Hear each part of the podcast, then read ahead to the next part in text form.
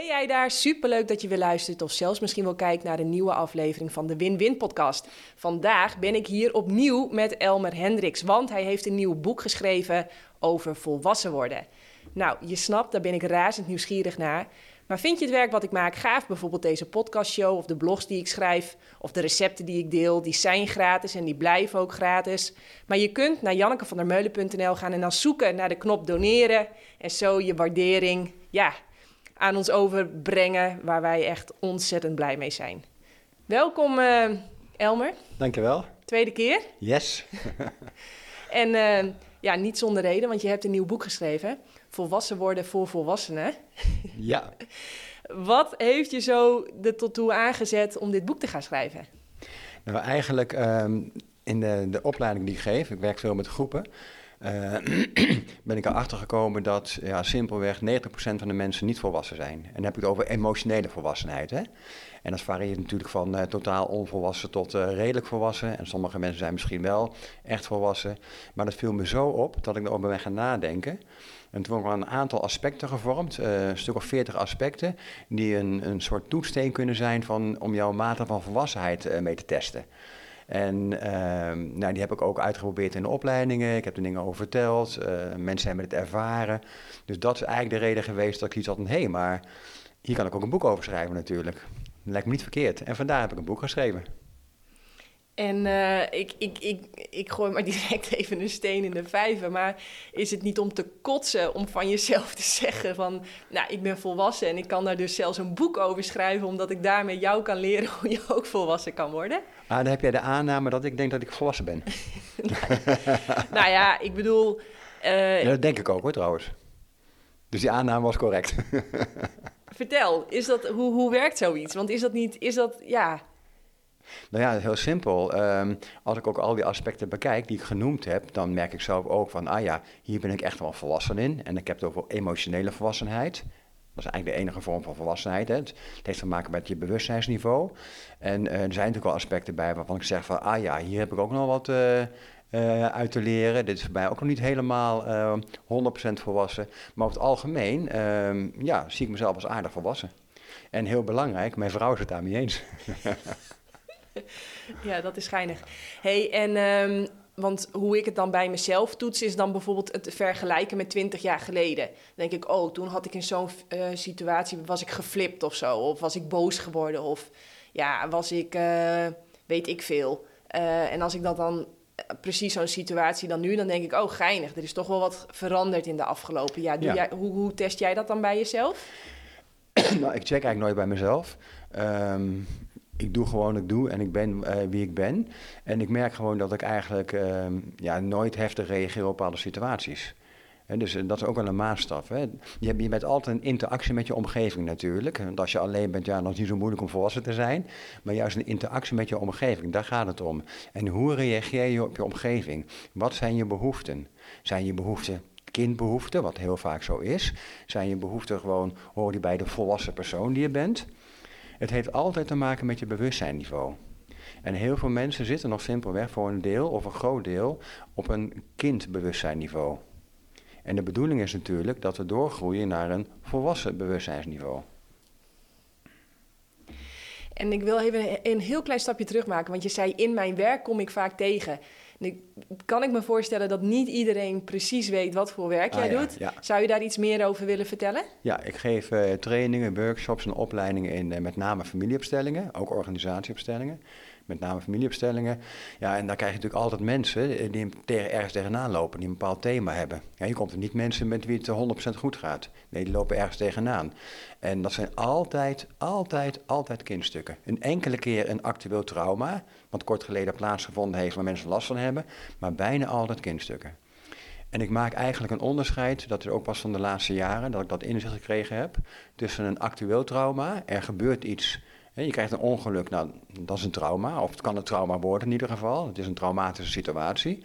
En um, een druppeltrauma. En een druppeltrauma is voor mij iets wat van je prille jeugd ingedruppeld is. Je moet beter je best doen, je bent niet goed zoals je bent. Je moet voor mij zorgen, dit, dit en dit. En je bent helemaal gemarineerd in die conditionering eigenlijk. Nou, en dat is zo'n diep trauma, dat zit zo in je cellen opgeslagen als het ware. Ehm, als we daarmee aan het werk gaan, dan kan er in één keer een hele mooie beweging in komen. Maar omdat het zo diep in iemand zit, uh, hè, zo, je bent zo geconditioneerd daarin, uh, het vraagt ook bewustheid en alertheid van die persoon om te kunnen constateren als ze weer in de valkuil stappen van dat trauma. Dus het vraagt dat de mensen wakker zijn. En dat is een mooi iets, want als ze wat wakker zijn, worden ze ook sneller bewust. En dus enerzijds kan zo'n druppeltrauma jou helpen ook om uh, bewuster te worden en uiteindelijk meer tot volwassenheid te komen. Als je het gaat aankijken in ieder geval. Ja, hey, en ik hoorde jou net zeggen, we hebben kindbehoeftes en we hebben volwassen behoeftes. Wat, wat zijn nou typische kindbehoeftes? Uh, gezien worden, erkenning krijgen van je ouders, er helemaal mogen zijn precies zoals je bent, uh, de ruimte krijgen om een ego te ontwikkelen je eigenheid te ontwikkelen, um, veilige grenzen gesteld krijgen. eigenlijk dienen de grenzen die een kind opgelegd krijgt helemaal ten dienste staan van het kind, dat het zich daarin kan ontwikkelen op een eigen manier, dat de eigenheid er mag zijn, dat zijn eigenlijk uh, de kindbehoeftes. En wat ieders behoefte is, ook van volwassen mensen, is behoefte aan veiligheid, uh, dak boven je hoofd, voeding, uh, contact met de ander. Hè, dat is een menselijke behoefte. Dat zijn menselijke behoeftes. Uh, maar begrijp ik het dan goed dat je op een gegeven moment eenmaal volwassen, als het goed is, dan zou je die behoefte aan gezien willen worden of de behoefte aan veilige grenzen niet meer nodig moeten hebben? Begrijp ik het dan goed? Nee, dat begrijp je goed. Um, alleen kinderen hebben behoefte om gezien te worden. Als volwassenen nog behoefte hebben om gezien te worden, is dan een kindstuk. Als een, een volwassene behoefte heeft om erkend te worden, erkenning te krijgen voor iets, is dat simpelweg een kindstuk. Dat is niet erg, maar het is wel handig als je dat realiseert. Want als je werkelijk volwassen bent, is die behoefte er niet. Je hebt voldoende aan wie je bent. En je hoeft niet van buitenaf te horen dat je goed bent zoals je bent. Dus dat is uh, evident. Maar het verschil zit hem er dus in, is. Uh, want ik kan me voorstellen dat mensen denken van... ik heb niet de behoefte aan om gezien te worden. En dan ga je wel met je kop in een podcast zitten. En uh, weet je, je, bent, uh, je geeft lezingen en zo. maar het, als ik het dan goed begrijp, dan zit het verschil in dat... ook al zit er maar één iemand in die zaal en die vindt er misschien ook nog eens geen reet aan. Als je het zelf heel erg leuk vond, missie geslaagd. Ja. En ja. Eh, je staat er meer vanuit kindbehoeften als stel je voor niemand klapt, dat je dan de rest van de dag zagrijnig bent. Ja, exact. ook met podcast, hè. Uh, ik vind het leuk om het te doen. Zeker, uh, nou ja, jij stelt hele leuke vragen, dat vind ik erg leuk. Ik vertel natuurlijk heel graag over uh, mijn passie en dat is systemisch werk en ja, daar zit dit bij. Dus daar vertel ik heel graag over. Maar zou ik van mijn leven geen podcast gemaakt hebben, omdat ik niet voor uitgenodigd word, is het ook goed. Ja, dus er is geen behoefte aan een podcast. Als ik echt mijn best zou doen, van, oh ja, maar daar moet een podcast vandaan uh, gemaakt worden van mij en daar en daar moet wat gedaan worden. Ja, dat is een kindbehoefte. Helder. Hey, um, um, ik, ik, ik heb je boek morgen gelezen, hè? superleuk. Heel dankbaar ook voor. Ik, uh, het is nu net uit, je kunt ja. het nu overal krijgen. Ja. Uh, volwassen worden voor volwassenen. Hij staat hier ook. Um, ik mocht hem al lezen. Nou, ik, ik heb zitten lachen. maar ik heb ook echt af en toe... Wow, dat mijn wenkbrauwen echt even door het dak gingen. Dat ik dacht... Nou, ik kan me echt voorstellen dat mensen het boek misschien nu wel al dichtslaan. Alleen al bij het lezen van deze eerste twee bladzijden. Um, wat ik bijvoorbeeld heel leuk vond, en ik ga er even stap voor stap doorheen, is dingen die jij betitelt als onvolwassen. Uh, terwijl ik denk dat heel veel mensen het linken aan volwassenheid. Ja. ja. Uh, de eerste die ik echt, uh, die mijn wenkbrauwen al de, liet fronsen, was loyaliteit. Ja. Loyaliteit is echt een kindbehoefte. En ik weet natuurlijk, in onze maatschappij en vooral in het bedrijfsleven, is loyaliteit zeer belangrijk. Maar loyaliteit is een kindbehoefte. Een kind moet loyaal zijn. Een kind is ook loyaal, dus niet eens een gedachte over. Want het kind heeft de familie nodig, de ouders nodig om te overleven. Dus een kind is per definitie buitengewoon trouw aan alles wat de familie doet. Zoals de familie het doet, zoals de ouders het doen, is de enige juiste manier. En daar is het helemaal trouw aan. Kan ook niet anders. Een volwassene echter, die voelt wat het juist is om te doen. Dus stel, je werkt bij een bedrijf en uh, je voelt gewoon van, hé, hey, het klopt voor mij niet meer dat ik hier werk. Om welke reden ook. Dan ga je weg. En je gaat onderzoeken voor jezelf van waarom klopt het niet meer. Nou ja, en als je tot de conclusie komt van, ja, het voelt niet meer fijn, dit bedrijf van mij, dan ga je weg. Ben je loyaal en je weet dat ze heel blij met je zijn en dat ze je nodig hebben, dan blijf je tegen je eigen gevoel in en wat niet voor jouw welzijn is. Maar ja, ja, ja, maar ik kan niet meer zomaar weggaan. Ze hebben me nodig. Ja, dat is loyaliteit. En dat is een kindstuk. Want een volwassen mens, die zorgt goed voor zichzelf. Ik hoor hier heel erg in terug ook dat, dat, dat ego wat heel erg denkt dat het altijd onmisbaar is. Ja. Dat ego dat denkt dat de wereld stopt met draaien, dat het bedrijf instort of dat het team alleen nog maar gaat verliezen als jij niet koste wat het kost aanwezig bent. Exact. En al, al zou dat zo zijn, hè? Al zou het zo zijn dat door jou weggaan het bedrijf verlies gaat leiden, of als het een klein bedrijf is dat helemaal instort, ja, dan is dat wat het is. Hè, maar je kan toch niet, als het niet goed voelt voor jou, als ja, jouw authentieke zelf niet tot zijn recht kan komen in dat bedrijf, dan ga je toch niet blijven? Ik heb vroeger al, en überhaupt nog eh voor ik ook maar enigszins bewust was, stom verbaasd afgevraagd waarom mensen in vredesnaam iets doen wat ze niet leuk vinden. Hoe kunnen ze nou een baan hebben waar ze geen plezier in hebben? Sterker nog, eh, wat ze soms zelfs verschrikkelijk vinden. Maar ja, de kinderen studeren en dit en dat. Ze hebben ze helemaal in een situatie gebracht, onbewust natuurlijk, waardoor ze helemaal klem zitten. O, althans, klem denken te zitten. Want je kan er altijd uitstappen. Wat is het ergste wat je kan overkomen? Overleven doe je toch wel. Dat? En, en, en dan blijven zitten omdat je denkt dat je klem zit. Terwijl ik zeg dan altijd, kijk eens om je heen, zit je klem? Ja, mooi. Oh nee, nee, ik zit helemaal niet klem. Dat is dus iets in het hoofd.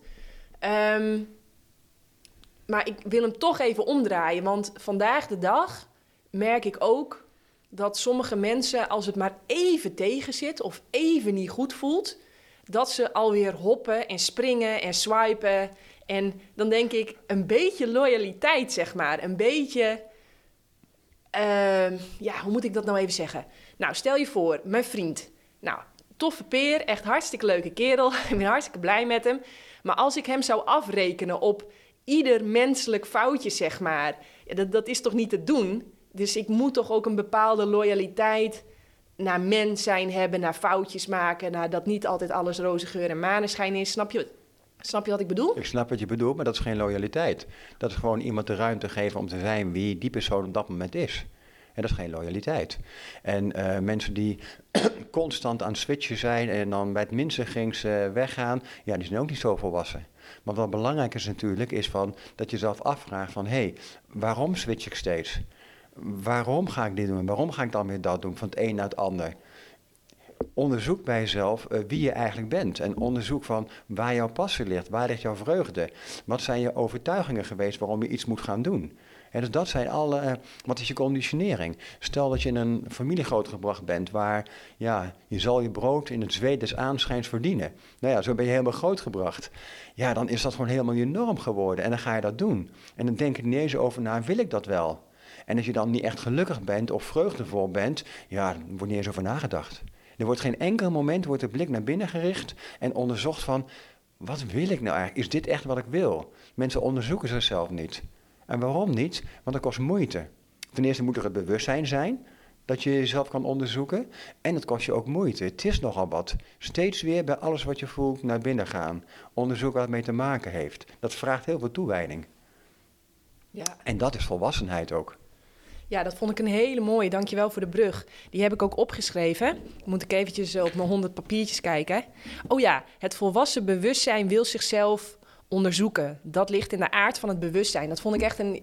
Ja, ik weet niet. In onze vorige podcast vertelde ik tegen jou van... soms dan lees ik iets en dan heb ik heel sterk ja. Of een hele sterke nee. En toen zei je ja, dat is ego. Maar ja, dat geloof ik dus niet. Want ik heb dus het idee dat dat mijn waarheidskompas is... die een soort van tak, we zitten op de goede koers. Of ja, dit, is, dit, komt, dit, dit wijst naar de waarheid. En voor mij voelde dit ook heel erg als waarheid. Het volwassen bewustzijn, dat wil zichzelf onderzoeken. Hoe, hoe, hoe werkt dat dan precies? Ja, hoe dat precies werkt, weet ik natuurlijk niet. Uh, en het hoeft natuurlijk niet altijd, als ik dat gezegd heb, dan uh, corrigeer ik me hier bij mezelf. Het hoeft natuurlijk niet altijd ego te zijn. Hè?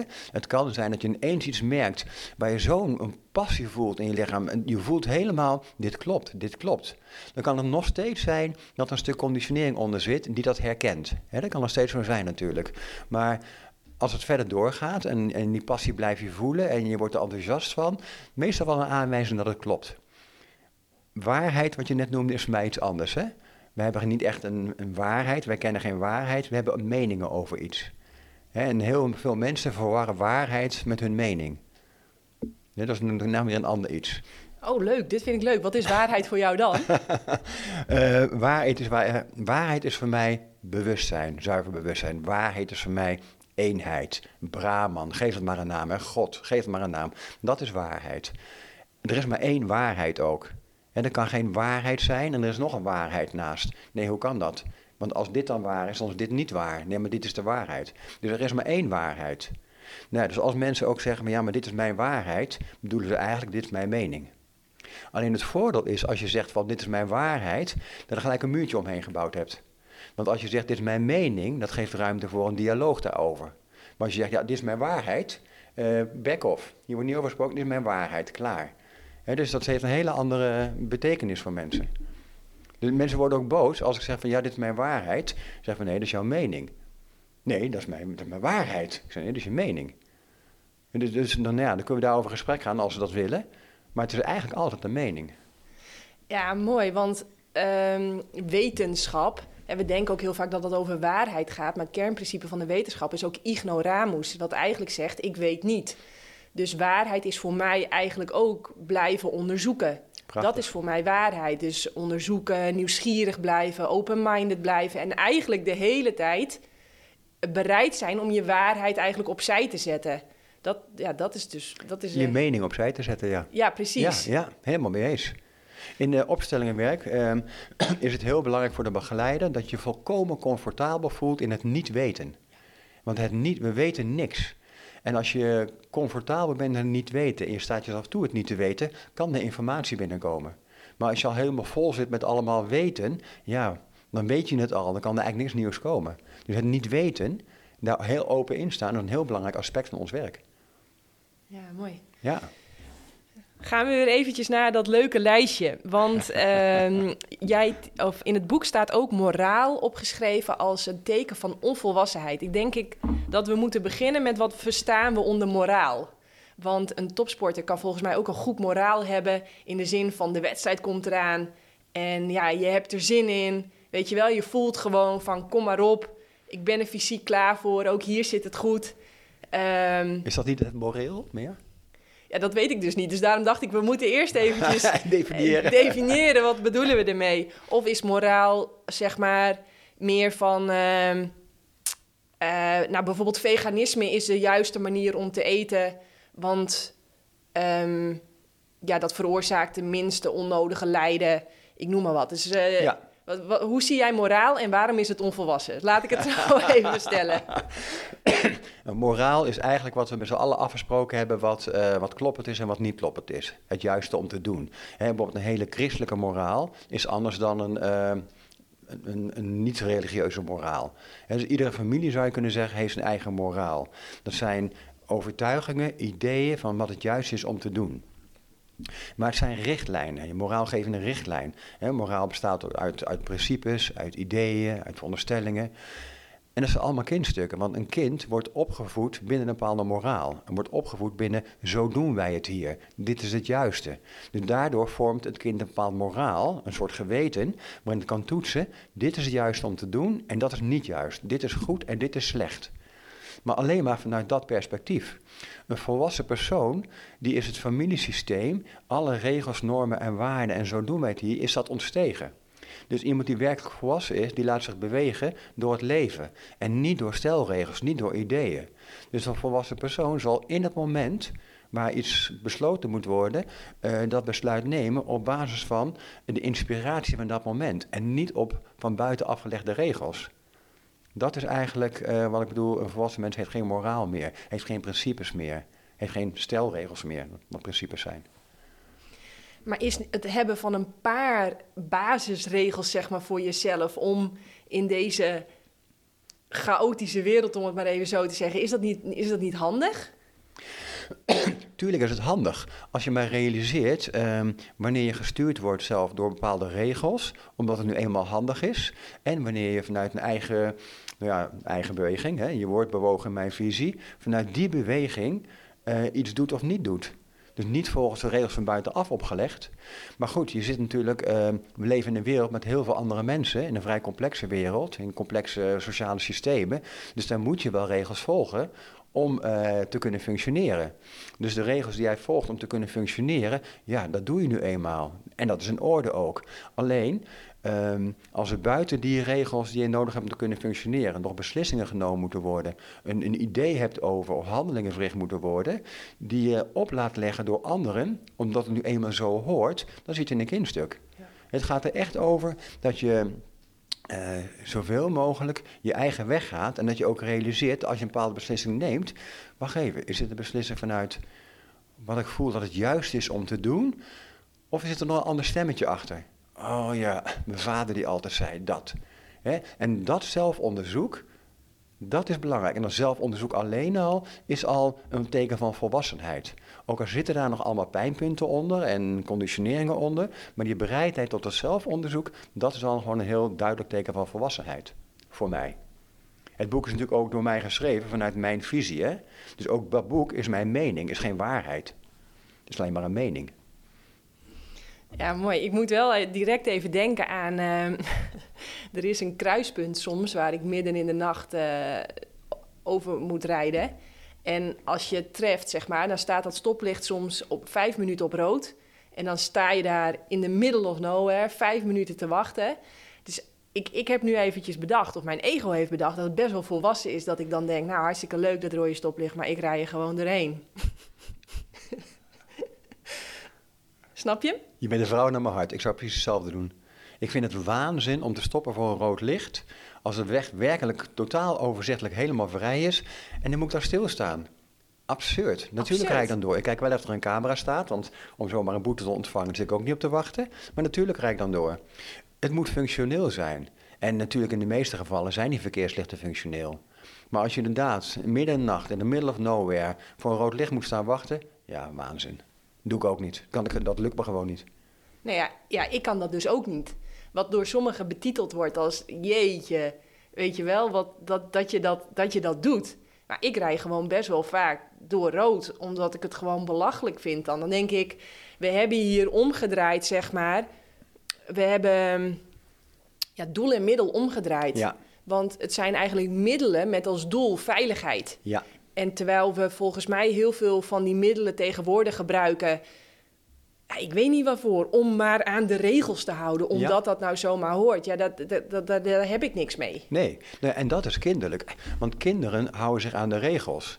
Kinderen moeten zich ook aan de regels houden, maar worden opgelegd door de ouders. En de ouders zijn de autoriteit voor kinderen als het goed is. En dus kinderen volgen blindelings die regels. Ze kunnen niet anders. Maar als je volwassen geworden bent, dan volg je niet meer blindingsregels. Dan doe je dat wat juist is om te doen. Zelfs als dat tegen de normen en waarden is van uh, de goede gemeente. De, welke gemeente? Uh, de, de, de rest van de wereld, zeg maar. De goede gemeente? ja, dat is een, uh, ik weet niet eens of het woord klopt, maar dat is een, een woord wat ik ken van vroeger. En wat in één keer in me oppopt. de goede gemeente. Volgens mij bestaat het wel. Oké. Maar ik ben wat ouder dan jij, hè? nee, ik ken het niet. Um, Oh ja, en welke ik ook heel geinig vond, was dat oordelen staat bij um, onvolwassenheid. Terwijl ik denk, nou, ik ben blij dat ik kan oordelen. Want er zijn ook genoeg vrouwen die in mijn ogen niet kunnen, niet kunnen oordelen. Daarom naïef zijn. En dan dingen, dan denk ik, ja, dat had een blinde zien kunnen gebeuren. Als je even wat beter was geweest in je oordeel dan was dat misschien niet gebeurd. Even, dat is dan wel weer een oordeel, dat weet ik. Ontkom je ook niet aan? Ontkom je niet aan in deze wereld van dualiteit. Maar ja, ik weet niet. Ik zie oordelen ergens wel als, als functioneel, als... Ja, ik heb het toch wel ergens betiteld als... Nou ja, een gezond oordeel is volgens mij hartstikke gezond. Laat ik het zo even zeggen. Dus ik ben nieuwsgierig van wanneer wordt een oordeel ongezond, onvolwassen... Ja, nou heb je precies goed gezegd. Ik heb de oordelen onder uh, onvolwassenheid geschaard, omdat we meestal bedoelen veroordelen. Maar je hebt natuurlijk beoordelen van een situatie, dat nuanceer ik ook, dat leg ik ook uit in, uh, dat hoofdstuk. Je hebt beoordelen en veroordelen.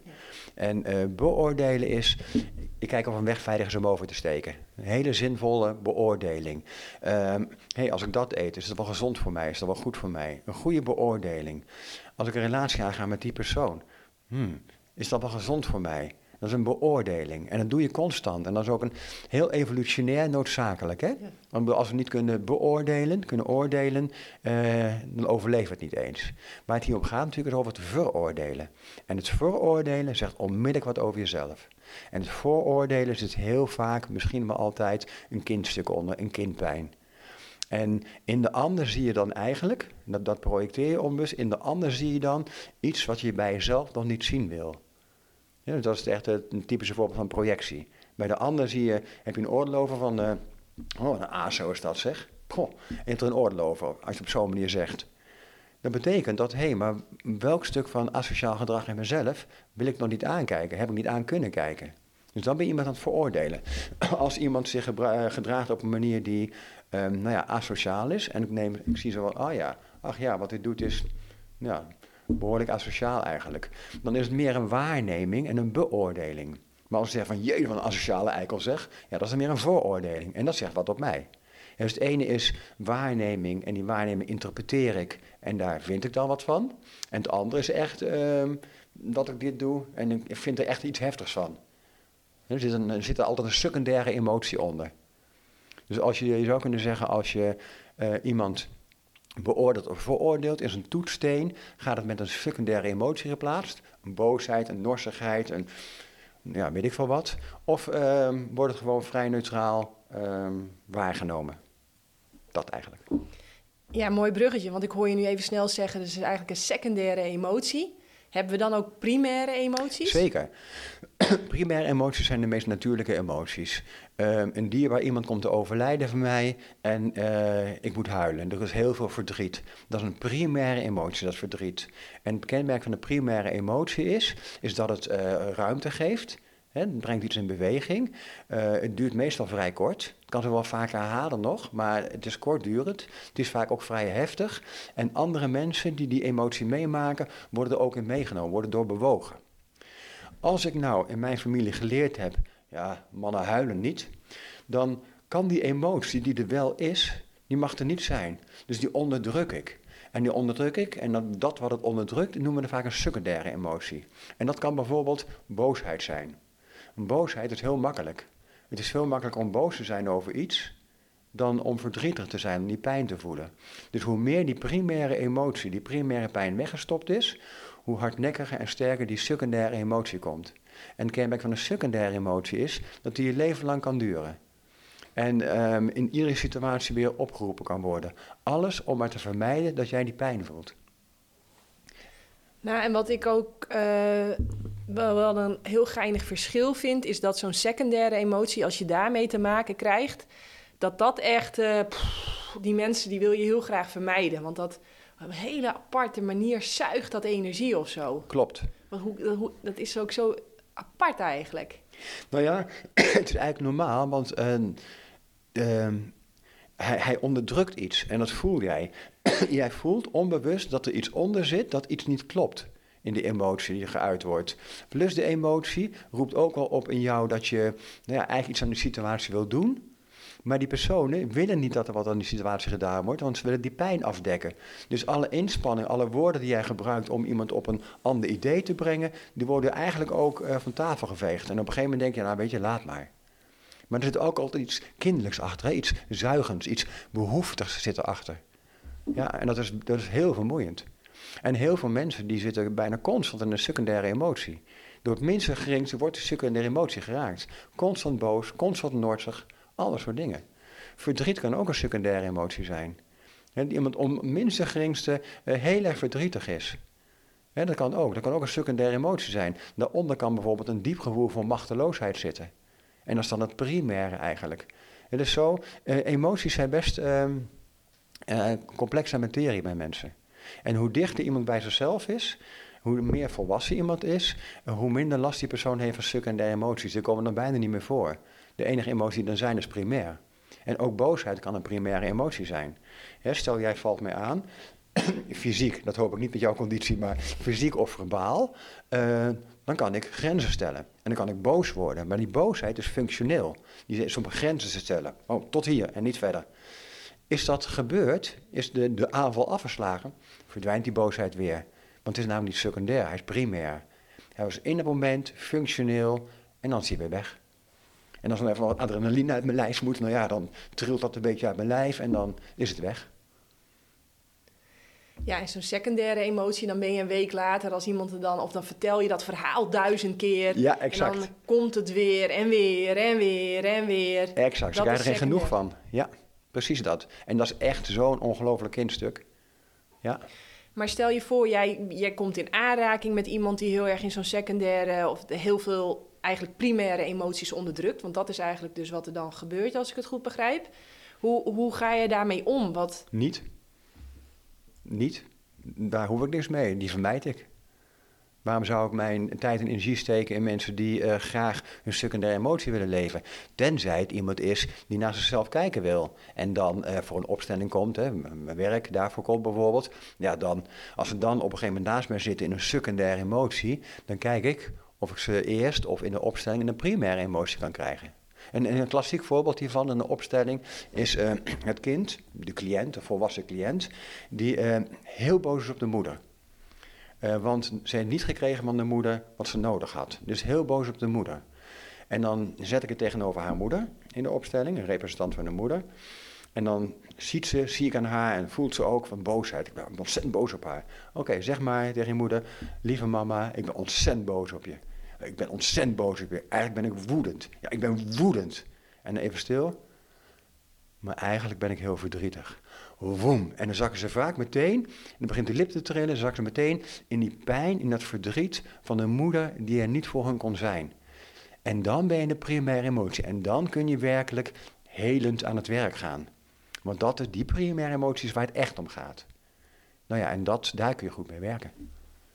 Maar mensen in mijn dagelijks leven, ehm, als mensen mij met secundaire emoties lastigvallen, ja, dat komt eigenlijk nooit voor. Maar als het zou gebeuren, ja, die vermijd ik, dan loop ik weg of wat dan ook. Ja. Ja, dus, dus eigenlijk iemand die zegt van, volgens mij heb ik, heb ik, nou, ben ik wat primaire emoties aan het onderdrukken. Want ja, ik, eh, ik heb uh, patronen die zich herhalen of ik zit de hele tijd in hetzelfde of ik word heel makkelijk door iets boos of geraakt of wat dan ook. Ja, dan staat voor jou de deur open, zeg maar. Hè, als diegene echt hulp vraagt, ja. ja, dan, dan en anders gewoon vermijden. Absoluut. Eh, in dat eerste geval staat mijn deur wagenwijd open. Want ik vind niks mooiers dan uh, iemand te ondersteunen bewust te worden. En daardoor te groeien en daardoor volwassen te worden. Dat, dat vervult mij om dat te doen. En waar het de ander goed gaat, die daarnaar kijkt. Ja, ik ben de ander en de ander ben ik. Dus dat vervult mij. Maar iemand die mij alleen maar belast, nee, die vermijd ik absoluut. Waarom zou ik überhaupt tijd besteden aan zulke mensen? Totaal geen nut. Pas als ze bereid zijn zelf om uh, er ergens naar te kijken, die bereidheid hebben naar binnen te gaan, ja, dan uh, geef ik alle ruimte. Ja. En, en zou je dat advies aan iedereen geven? Ja. Ja, vermijd vooral mensen die boos op jou worden, die norsig zijn, die nurks zijn, um, die alles op jou afreageren. Vermijd ze vooral. Hun boosheid heeft niks met jou te maken. Hun strijd heeft niks met jou te maken, maar het is een strijd tegen zichzelf. Dus vermijd dat alsjeblieft. Levert je niks op. Um, maar vervolgens wel mild blijven, denk ik dan, want ze doen het niet met opzet. Anders, anders zouden ze wel veranderen. Ja, heb je helemaal gelijk. Een hele mooie die je zegt. Uh, blijf altijd met mildheid inderdaad kijken. Realiseer je dat ze doen op dat moment het een, dat wat ze doen het enige is wat ze kunnen doen. Ze zien geen andere mogelijkheid nog. Ze zien ook geen mogelijkheid om de blik naar binnen te werpen. Dus dat, dat is zo. Dus uh, zeker, uh, heb geen oordeel over ze, maar begrens wel. Want dat is een heel groot verschil. Hè? Je kan prima iemands pijn zien en iemands onmacht zien en de, de woede en alles wat op jou geprojecteerd wordt. dat kun je zien. Dan kun je ook, nou ja, misschien zelfs met mededogen naar kijken, maar je begrenst het wel. Want het heeft geen enkele zin als je dat toestaat. Dat levert die persoon niks op. De begrenzing levert die persoon veel meer op. En uh, het levert jou niks op. Alleen veel mensen, en dan ook een kindstuk, hebben niet de moed om zichzelf te begrenzen. Ja, om de ander af te grenzen. Dat is ook weer een kindstuk. Want volwassen mensen die staan niet toe dat de onbewustheid van andere mensen ja, jou beïnvloeden. Daar staan ze gewoon niet toe. Waarom zouden?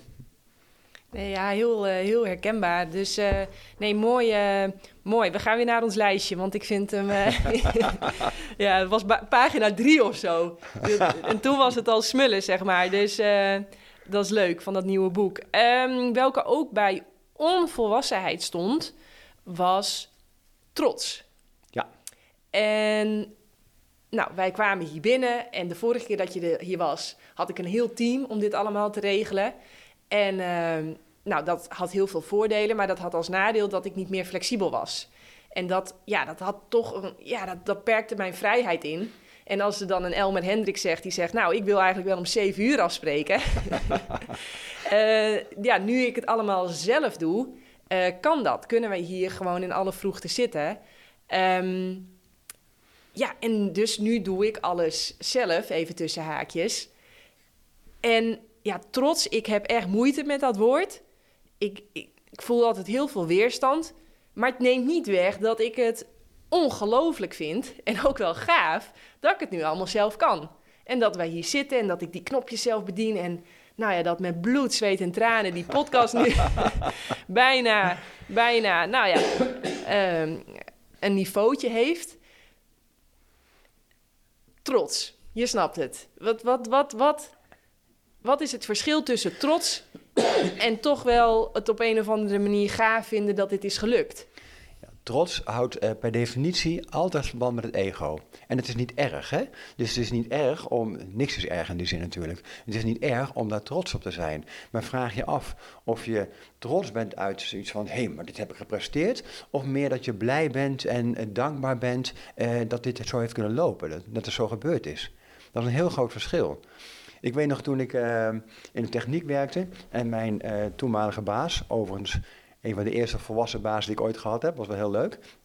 Die zei tegen mij van, uh, tijdens het functioneringsgesprek, Goh Elmer, waar ben je nou trots op? ik zei, trots op? Ja, welk van je projecten je afgerond hebt? Ik zei, ik zou niet weten. Uh, nou ja, bijvoorbeeld dit en dit project, uh, hoe dat gelopen is. Ehm, ben je daar trots op? Ik zei, ik zei, ik nee, gevoel van trots ken ik niet in die zin. Ik zei, ik vond het een ontzettend leuk project en hij is mooi afgerond en daar ben ik blij om en ik ben er dankbaar voor. Maar ik zou niet weten hoe trots moet voelen. Dat meen ik oprecht. Ja, hoe kan ik nou trots zijn? Ik weet niet wat dat is. Ik weet wel wat het is van, uh, om de plezier te hebben in het project. Uh, als het mooi afgerond is, om daar blij om te zijn. Om dankbaar te zijn voor alle hulp die ik erin gekregen heb. Dat kan ik voelen. Trots is voor mij zo abstract wat dat betreft. Ja, maar wat is er dan mis met trots? Wat, wanneer, wanneer, ik bedoel, ik, ik ken heel veel ouders die zijn trots op hun kinderen. Wanneer, wanneer riekt het naar onvolwassenheid en wanneer is het een uitnodiging om eens naar jezelf te gaan kijken. Dus wat... wat... Ja, ja. Uh, ouders die trots zijn op hun kinderen, als ze dat zien als hun eigen prestatie, uh, dan zit er een ego achter. Als ze trots zijn op hun kinderen vanuit blijdschap en dankbaarheid, dan ze noemen dat trots omdat het woord er nu eenmaal bestaat, uh, dat ze dankbaar zijn voor hun kinderen, dat ze er blij mee zijn, vreugde aan beleven, en dat is heel iets anders. Maar zodra ze denken dat het hun prestatie geweest is, dat die kinderen zijn zoals ze zijn, dan zit er een stukje ego achter. En wat ik net al zei, dat is niet erg, maar het is handig op jouw groei naar volwassenheid om dat ook te onderzoeken voor jezelf. Maar hé, wat betekent trots eigenlijk voor mij? Is dat een ego-stuk? Is dat iets van wat ik gepresteerd heb? Of is dat eigenlijk toch meer het gevoel van blijdschap, van dankbaarheid en dat? Het is eigenlijk een uitnodiging. Dat hele boek is een uitnodiging tot zelfonderzoek dus alle aspecten die ik noem ook, uh, soms klinken ze vrij scherp, maar het is alleen maar bedoeld om uh, ja, je uit te nodigen om dat te gaan onderzoeken voor jezelf. Ja, want, want als ik het dan goed hoor, dan gaat het er jou eigenlijk om, zeg maar, um, om je identiteit los te koppelen van je eigen waarde en ook je prestaties los te koppelen van je eigen waarde. Dus dat je meer een beetje erkent van nou, dat het dus geen vrije wil is eigenlijk. Dat het, klopt het? Zie ik het ja, zo? Ja, voor mij, ik, ik had het niet mooi kunnen zeggen. Zeker, ik ben het helemaal met je eens. wat we natuurlijk doen, um, wat misschien mens eigen is, we identificeren ons onmiddellijk.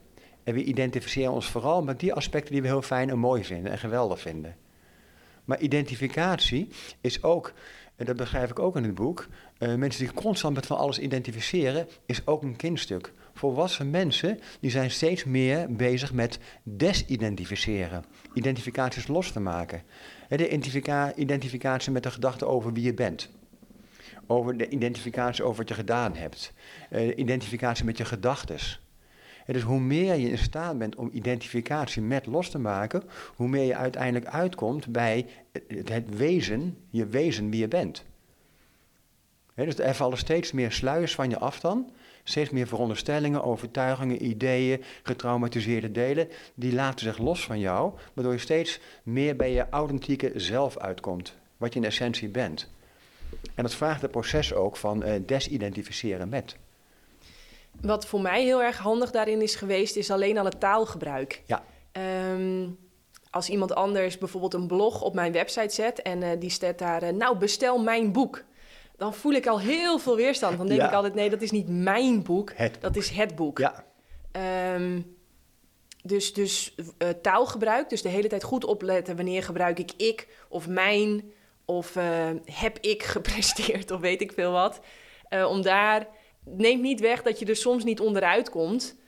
want als mensen dan vragen, oh jij roeit, um, ja en ik ga zeggen, ja ik, ja ik roei wel eens dan voelen ze ook wel van, ja, dat klopt niet helemaal, weet je wel. Ik groei wel eens. dus dan ja, moet ik toch op een of andere manier zeggen van, ja, uh, ja, ik, ja dat, dat doe ik inderdaad uh, serieus, tussen haakjes. en je bent kampioen. en ja, en ik heb die, die titel behaald. Ja. Um, dan moet ik dat toch wel zeggen, dus je komt er niet helemaal onderuit. Um, dus voor mij was taalgebruik heel erg helpvol om dat uh, te trainen. Wat, wat, wat geef jij echt als tool mee om die identificatie los te... Dat je stopt met, je, met van alles en nog wat identificeren. Ja, nou mooi al wat je zegt van uh, dat je er bewust van bent. Uh, ik ben dit, ik ben dat. Hè, dat ik ben, ik ben boos. Dat is al zoiets van nee, dat is niet ik ben boos, er is boosheid. Alleen in ons taalgebruik, ja, het wordt wat lastig, denk ik, als je probeert het woordje ik heel krampachtig te vermijden. Maar het belangrijkste natuurlijk, als jij realiseert, als je zegt van, ja, ik kano en ik, uh, ik heb medailles gehaald daarin, uh, dan verwoord je gewoon feiten. En als je die feiten krampachtig gaat vermijden, dan zit er ook iets achter. Hè? Dan wordt ook gevoeld. Dat voelt ook ongemakkelijk. Dus je kan prima verwoorden, ja, ik ben kampioen geweest. Of ik ben nog steeds kampioen. Of ik ben weer kampioen geworden. Als daar zoiets achter zit van, je bent weer kampioen geworden. Ja, dat is natuurlijk ego. Maar als jij blij bent en dankbaar bent en het leuk vond dat je kampioen geworden bent, hè, en omdat je inspanning, je passie geleefd hebt, ja, daar is niks mis mee. En door het, leveren, door het leven van jouw inspanning en je passie ben je een kampioen geworden. Dat vloeit eruit voort.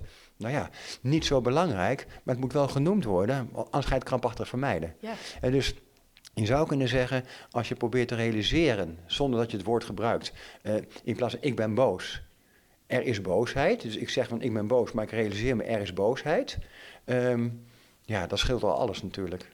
En de stap die ertussen zit vaak nog is van um, ik voel me boos. Of er, er wordt boosheid ervaren in het lichaam. En uiteindelijk is het alleen maar er is boosheid. En dan zit er geen ik meer aangekoppeld, geen identificatie meer. En dat kan gewoon zo zijn, terwijl je toch het woordje ik gebruikt. Ja, dat was echt een van de belangrijkste lessen die ik van Eckhart Tolle leerde. Um, want nou ja, dat heb je misschien zelf ook wel ervaren in je leven. Dat, uh, vroeger was dat bij mij één op één. Um, en toen hij vertelde van nee, jij bent de waarnemer. Dus jij bent degene die dat kan observeren. Toen ontstond er voor mij ruimte. Oh, geinig. Inderdaad, want ik, ik kan... Hè, want anders zou je niet weten dat je boos bent. Ik ben boos. Dat, er is dus iets wat dat kan zien. Ja. En door dat ineens te realiseren ontstond er ruimte. Nou, dat, dat, was, dat was echt dag en nacht verschil. Ja, ja. en dat is precies de desidentificatie. Want dat wat waarneemt is bewustzijn. En uh, wij kunnen ons bewust zijn als mens, wij kunnen ons bewust zijn van dat bewustzijn.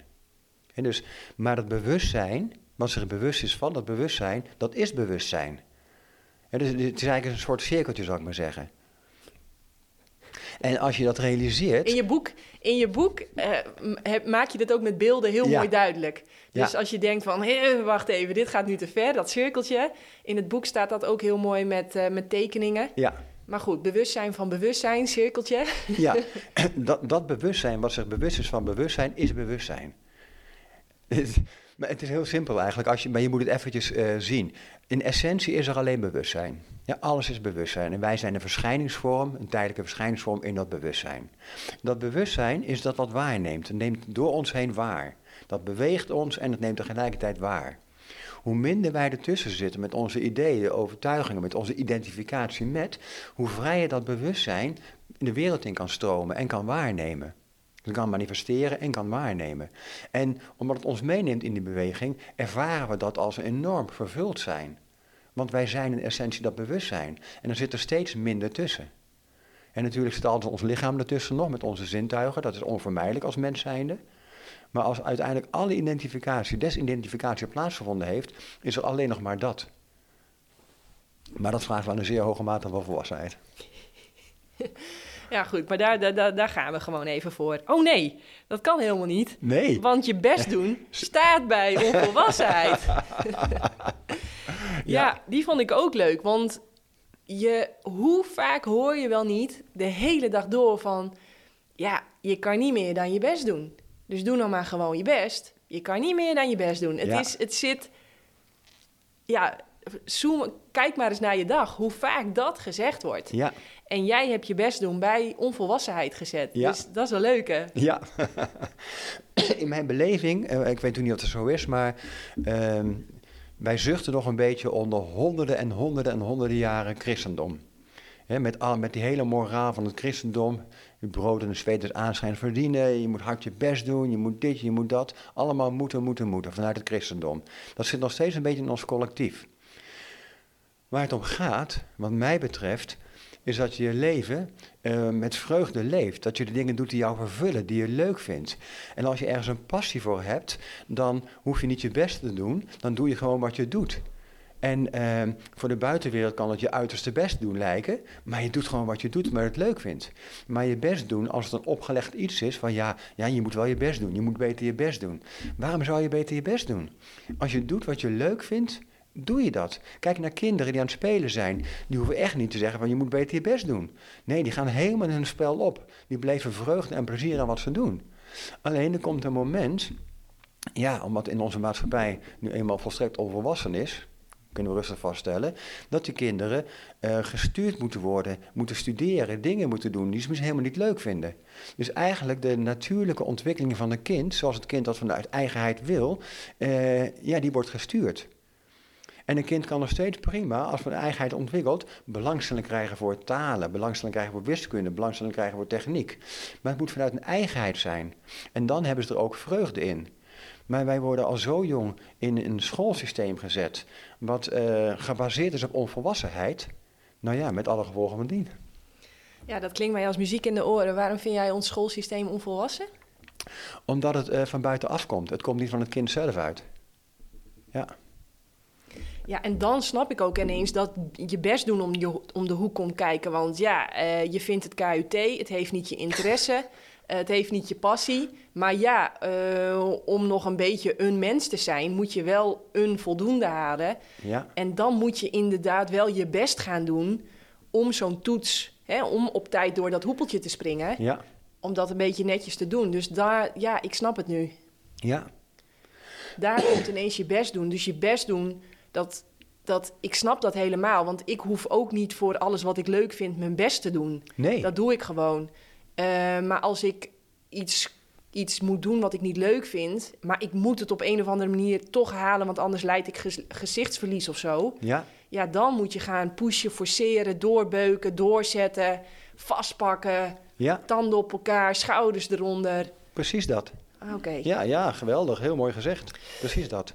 Uh, en welke ik, uh, welke ik, nou, die ook mij echt als muziek in de oren klonk, dat waren de tradities. Dat dat kinderlijk is. Nou, ja. ik heb zo'n ongelofelijke bloedhekel aan tradities. Het is misschien een oordeel hoor, hartstikke kinderlijk hoe ik dat zeg. Maar al die onzin van een kerstboom in huis, of je ineens klem gaan eten aan oliebollen, of je kind voor liegen omdat het Sinterklaas is en daarmee allemaal gehoorzaamheid afdwingen. Ja, ik, ik, ik kan er niks mee. Dus ik heb ook al heel jong, ik weet nog, 15 denk ik dat ik was, dat ik bij mijn ouders die kerstboom het huis uit heb gekregen. Wat een onzin. ga je massaal met een heel land een, een, boom kappen en die in je huis zetten. Dat, en dat vinden we dan ineens heel gezellig. Ja, het, ik, ik, ik heb er niks mee. Dus let's go. Waarom is, zijn tradities, tenminste daar denk ik aan bij tradities, waarom zie jij dat als onvolwassenheid? Omdat uh, tradities uh, niks te maken met de flow van het leven. Het leven wil evolueren, wil groeien. Uh, ieder individu wil groeien, wil evolueren, wil de passie volgen. En een traditie die remt dat af. Een traditie zegt van, uh, nee, nu moet je dit gaan doen. Nee, zo doen wij het hier. Ja, dit doen we nu eenmaal. En dan moet je aan conformeren. En als je onvolwassen bent, conformeer je eraan. Want kinderen conformeren zich er eenmaal aan. Zo doen wij het hier. Kinderen kunnen niet anders. En er is ook een hele mooie uitspraak van iemand, ik ben vergeten wie dat was, die zei: uh, tradities bestaan om te voorkomen dat de kinderen boven de ouders uitgroeien. He, zo van, ja, kinderen mogen niet groter worden dan hun ouders uiteindelijk. Uh, dus de tradities, die houden ze allemaal net, eh, netjes op de plaats. en nou is een traditie als kerst, nou ja, nog redelijk onschuldig in die zin. Maar het is een traditie. En ik beschrijf ook in het boek de doffe ellende die mensen al weken voor de kerstdagen hebben. Oh mijn god, moeten we eerst de kerst van jouw ouders? Moet de tweede kerst van mijn ouders? Ik heb er geen ruk zin in. Ja, maar goed, ja, je kan ook niet niet gaan. Hoezo, je kan ook niet niet gaan? Natuurlijk kun je wel niet gaan. Dat is een keuze. Die ruimte heb je. Maar als je nog in dat kindstuk zet, dan voel je die keuze niet. Ja, maar ze vinden het zo leuk. Ja, maar jij vindt het niet leuk. Waarom doe je het dan? Ja, je moet ook een beetje om de ander denken. Nou, denk maar eens eerst aan jezelf. En als je eerst goed aan jezelf denkt, van daaruit ga je de juiste keus maken. Want... En dan ga ik je in de reden vallen. Kan het best zijn dat je wel naar je ouders gaat? Zeker kan dat zo zijn, tuurlijk. Als je voelt het juist is om te doen, ach, ik ga nu even langs mijn ouders, want het voelt goed voor mij, is het juist om te doen, is daar niks mis mee. Als je het gaat doen vanuit een schuldgevoel, ja, dan ga je weer onderzoeken bij jezelf, hé, hey, ik voel me schuldig en ja, ja, als ik niet ga, dan voel ik me zo schuldig. Dan ga ik maar liever, want dan hoef ik dat vervelende schuldgevoel niet aan te kijken.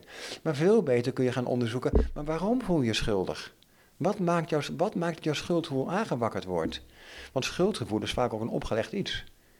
Dus als je zo geconditioneerd bent of gemanipuleerd bent, ik zeg dat heel onvriendelijk, door je ouders van, ja, maar je moet wel komen. Ja, je moet wel komen, want ja, anders zitten we ook maar alleen. Ja, dan ga je schuldig voelen door het niet te doen. Maar je helpt ze er niet mee, want je haalt ze niet uit een eenzaamheid. Want ze zijn eenzaam en dat heeft niks te maken met alleen zijn. En die eenzaamheid is ook weer iets wat ze van binnen ervaren. En daar kun je ze niet mee helpen. Dat is hun lot. Daar moeten ze zelf naar kijken, zelf mee omgaan. En als ze dat vermogen niet hebben, ja, is het heel pijnlijk. Maar hun eenzaamheid kun je niet verzachten, ook al kom je tien keer per dag langs. Ja, bijzonder is dat. Ja, ja, ja.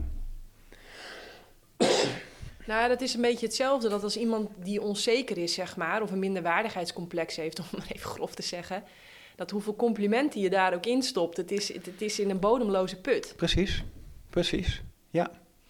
Maar als ik het dan goed begrijp, stel je voor we maken Elmer Hendricks uh, minister-president, dan uh, gaat iedereen gewoon zelf bepalen uh, wanneer hij op vakantie gaat. Dus we kappen we, al die stomme vastgelegde feestdagen, dat schaffen we af. Alle vastgelegde vakanties schaffen we af schoolsystemen gaat er heel anders uitzien. Klopt het een beetje wat ik zeg? Uh, nee, want als ik minister-president zou worden, en dat zal nooit gebeuren, want ik heb niks met politiek, maar ik heb ook die kwaliteiten niet trouwens. Je zal toch ook wel wat kwaliteiten moeten hebben.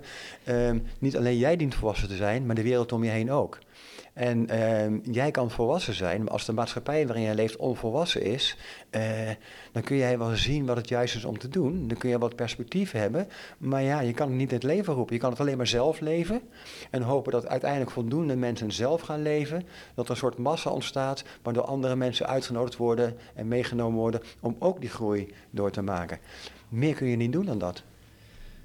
Wauw, dus eigenlijk zeg je nu ook hier helemaal van lead by, by example. Dus doe gewoon zelf waar je zin in hebt. Ja. Uh, probeer voor zover je daar invloed op hebt, uh, je mooiste dag te leven, zeg maar. Ja. Of gewoon een goede dag te leven. Het hoeft ook eigenlijk helemaal niet bijzonderder dan dat. Precies. Gewoon een goede dag leven. Uh, doe gewoon lekker waar jij denkt dat je je goed bij voelt. Onderzoek dat. Je lichaam is je toetssteen. En, en, en ja, wat de rest dan doet, dat is, Ja. dat is aan de rest. En dat is helemaal aan de rest. Waar je invloed op hebt, ehm, is op wat jij doet, hoe jij denkt, hoe jij voelt. Op je omgeving heb je geen invloed. Je hebt wel invloed als jij inderdaad jezelf aan het onderzoeken bent en bent aan het groeien, geeft het al invloed op je omgeving, onvermijdelijk. En dus wat ik ook altijd aangeef, ook in de opstellingen, ehm, jij, zeg ik dan tegen de cliënt zo, jij bent de belangrijkste persoon in de hele wereld. Niemand komt boven jou. Jij bent de hoogste autoriteit. Er is geen autoriteit boven jou.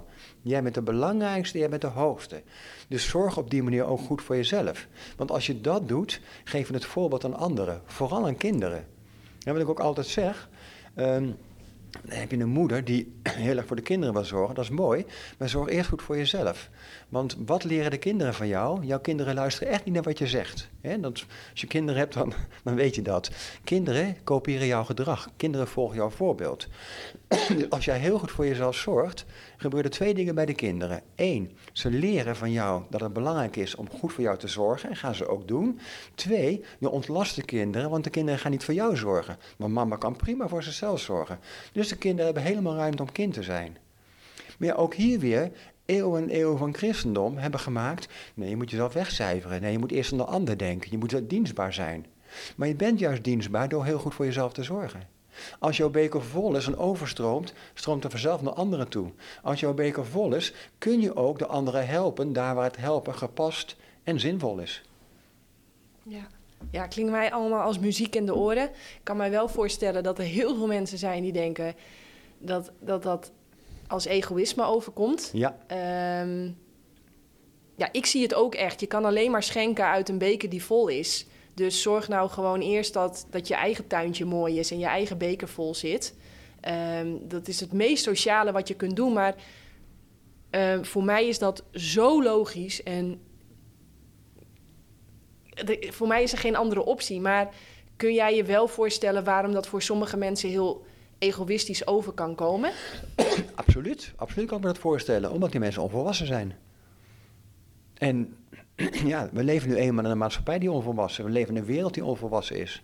De meeste mensen zijn onvolwassen.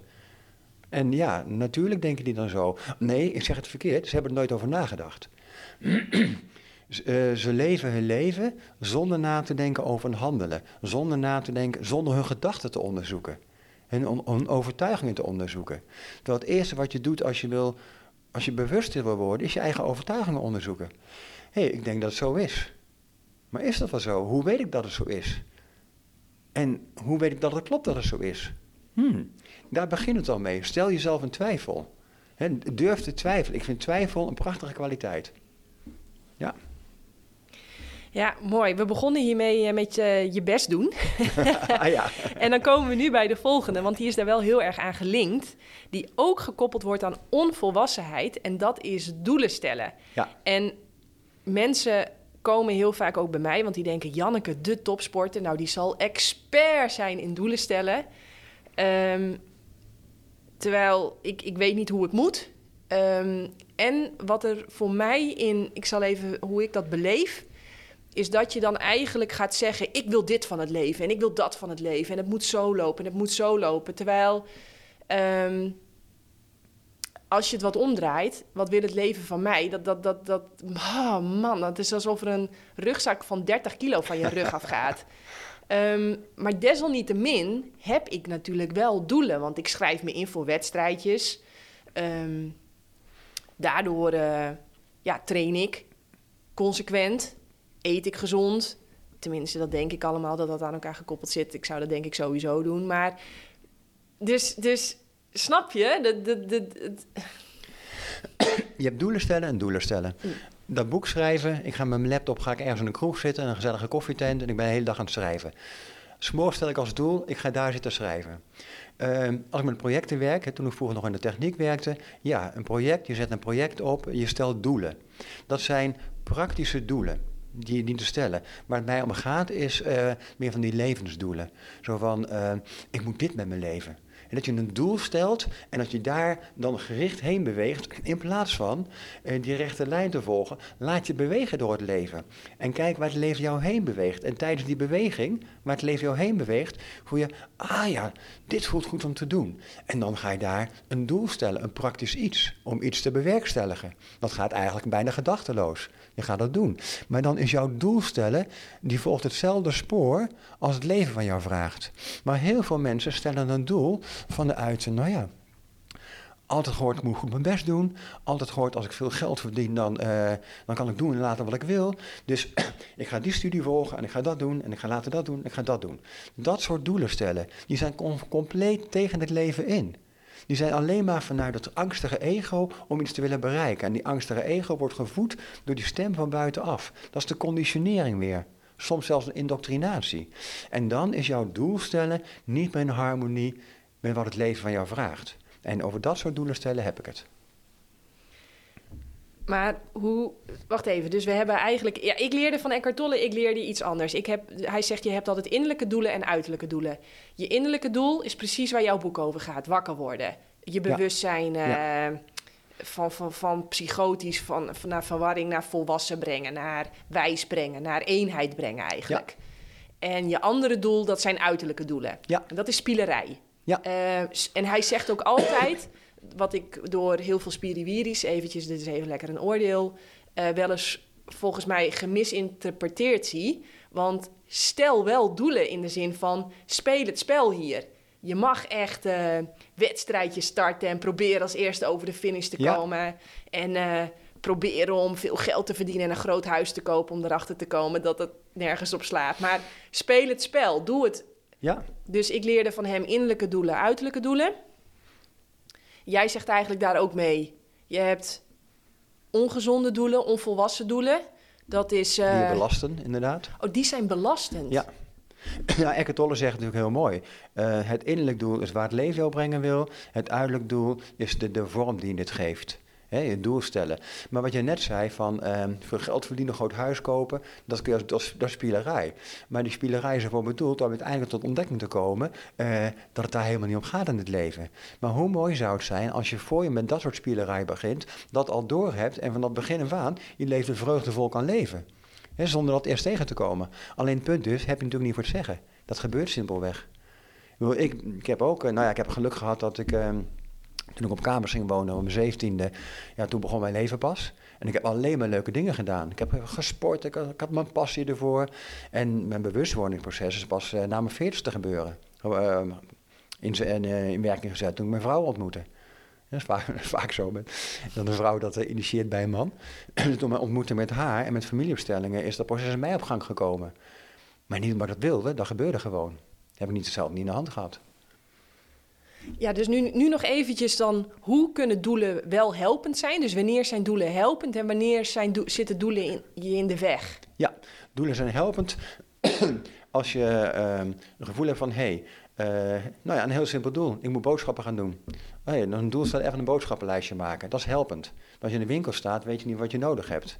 Um, wat ik net zei over een project. Er moet een project opgestart worden. Nou ja, dan moet ik voorbereiden. Moet ik doelen stellen. Ik moet die aannemers uh, gaan aanschrijven. Ik moet een offerte maken. Ik moet offertes beoordelen. Dat zijn doelen die je stelt. Maar dat zijn hele praktische doelen in de dagelijkse gang van het leven. Procesdoelen. Sorry? Procesdoelen. Dat zijn eigenlijk procesdoelen, ja. Uh, als je een, een natuurvolk hebt, ja, die moeten voedsel hebben. Ja, die stellen als doel, ik ga nu jagen. Maar die worden bewogen door het leven. He? Het gaat erom dat je inderdaad, ja, Eckhart Tolle zegt natuurlijk prachtig, je hebt het innerlijk leven, misschien zou je het spiritueel leven kunnen noemen, hoewel ik niet zo'n groot voorstander ben van dat woord, maar je wordt bewogen door het leven, je geeft je over en je laat je verrassen door het leven. Wauw, als ik een doel gesteld had, was ik daar gegaan. Maar ik laat mijn doelen los en dan kom ik hier terecht. Wauw, dat had ik nooit kunnen verwachten. En dat geeft vreugde. En dus dat, dat verschil tussen doelen stellen eigenlijk. Het ene brengt je vreugde, dus je laat je bewegen door het leven en dat beweegt je ergens heen. Doelloos. Want als je een doel stelt, ja, dan verdwaal je eigenlijk. Er is een hele mooie uitspraak van de ene Joris Vinken. Die zegt, um, hoe zegt hij dat ook alweer? Uh, Alleen op het pad van mijn verwachtingen kan ik verdwalen. Doelloos loop ik altijd de juiste weg. Nou, die, die is precies wat, uh, precies wat het is. Wauw, ja. heel mooi. Ja. Um, en dan de laatste, van waar ik eventjes mijn wenkbrauwen, uh, waar mijn wenkbrauwen fronsen was. Zo binnen, zo buiten. Ja. Wat, wat, wat? Heel veel mensen leven aan de buitenkant. En uh, vanuit overtuiging van de binnenkant uh, moeten ze een uur voor de kapspiegel zitten. Moeten ze zich helemaal opmaken? Moeten ze dit doen? Moeten ze bepaalde kleding dragen? Moeten ze zichzelf op een bepaalde manier presenteren? En dat is allemaal buitenkant. En die buitenkant komt van een onzekere binnenkant. Die onzekere binnenkant wil die buitenkant maskeren. En dat is wat anders voor mij dan als je ehm, bij een of ander bedrijf werkt, uh, je zit in een hoge functie en je moet een pak dragen. Dat pak is gewoon werkkleding. Zoals een monteur een overal draagt, moet zo iemand een pak dragen. Want dat hebben ze nou eenmaal afgesproken. Ook dat is natuurlijk een stukje van onvolwassenheid. Want uh, er zit een formaliteit achter, er zit een regel achter. Terwijl ja, informeel is het mooiste. Dat je kan gewoon dragen wat voelt of jou het juiste is. En dat niemand daar wat van vindt. Maar ja, we zitten nu eenmaal in een oordelende, onvolwassen maatschappij. Dus iedereen vindt er wat van. Ik weet dat toen ik eerste keer naar mijn werk kwam. Uh, was ik projectleider in een korte broek. Is zo herkenbaar dit. Ja, Oké. Nou ja, ik kwam in een korte broek naar mijn werk en we hebben meteen gekeken. En uh, mijn baas kwam aan de broer en zei, ja, dat kan niet. Ik, het was zomer, warm. Ik zei, hoezo kan dat niet? Ja, je kan hier in een korte broek kopen, dat, dat doen we hier niet. Maar zij loopt in een rokje. Ja, maar zij is een vrouw. Ik zei, dan moet ik morgen in een rokje komen dan. Uh, nou ja, dus, dus ik vond het absurd dat ik niet in een korte broek kon komen. Ik deed het wel, ik bleef het ook doen. Ze konden me niet ontslaan. Um, maar absurd. Waarom niet? Ja, zo doen wij dat hier nu eenmaal niet. Traditie. Geef het maar een naam. Absurd. Ja, absurd. Ik heb een keer in uh, een korte broek en op slippers een lezing gegeven bij een bank. en uh, dat was echt het eerste wat in de evaluatie werd genoemd. Dat ik zeg maar op slippers en... Ik denk, maar ik, ik zeg maar, ik zeg... Als ik nou een lange broek aan had getrokken of een of andere pantalon en een paar dure schoenen... Ik zeg, dan was mijn verhaal toch tot precies hetzelfde geweest. Ja. Ik, ik, ik begin ook te stotteren. Dus, uh, maar uh, ik had nog een opdracht staan voor diezelfde bank. Dus toen werd er gezegd van ja, je moet de volgende keer wel uh, schoenen aan en een lange broek. Dus toen heb ik de meest ordinaire Nike Maxis aangetrokken. Beetje protest. Ja, maar omdat het, het slaat toch helemaal nergens nee. op. Nee. Je kan ervoor kiezen dan om inderdaad toch te gaan omdat je de opdracht leuk vindt. Je kan ook voor kiezen om de opdracht te weigeren. Net, net, wat jij, net wat passend is bij jou op dat moment. maar ja, goed, in, die waanzin leven we, hè? Zo simpel is dat. Wat ik ook in het boek beschrijf. Kinderen maken tutorials en leren ze andere kinderen hoe ze foundation moeten leggen, hoe ze het moeten opmaken.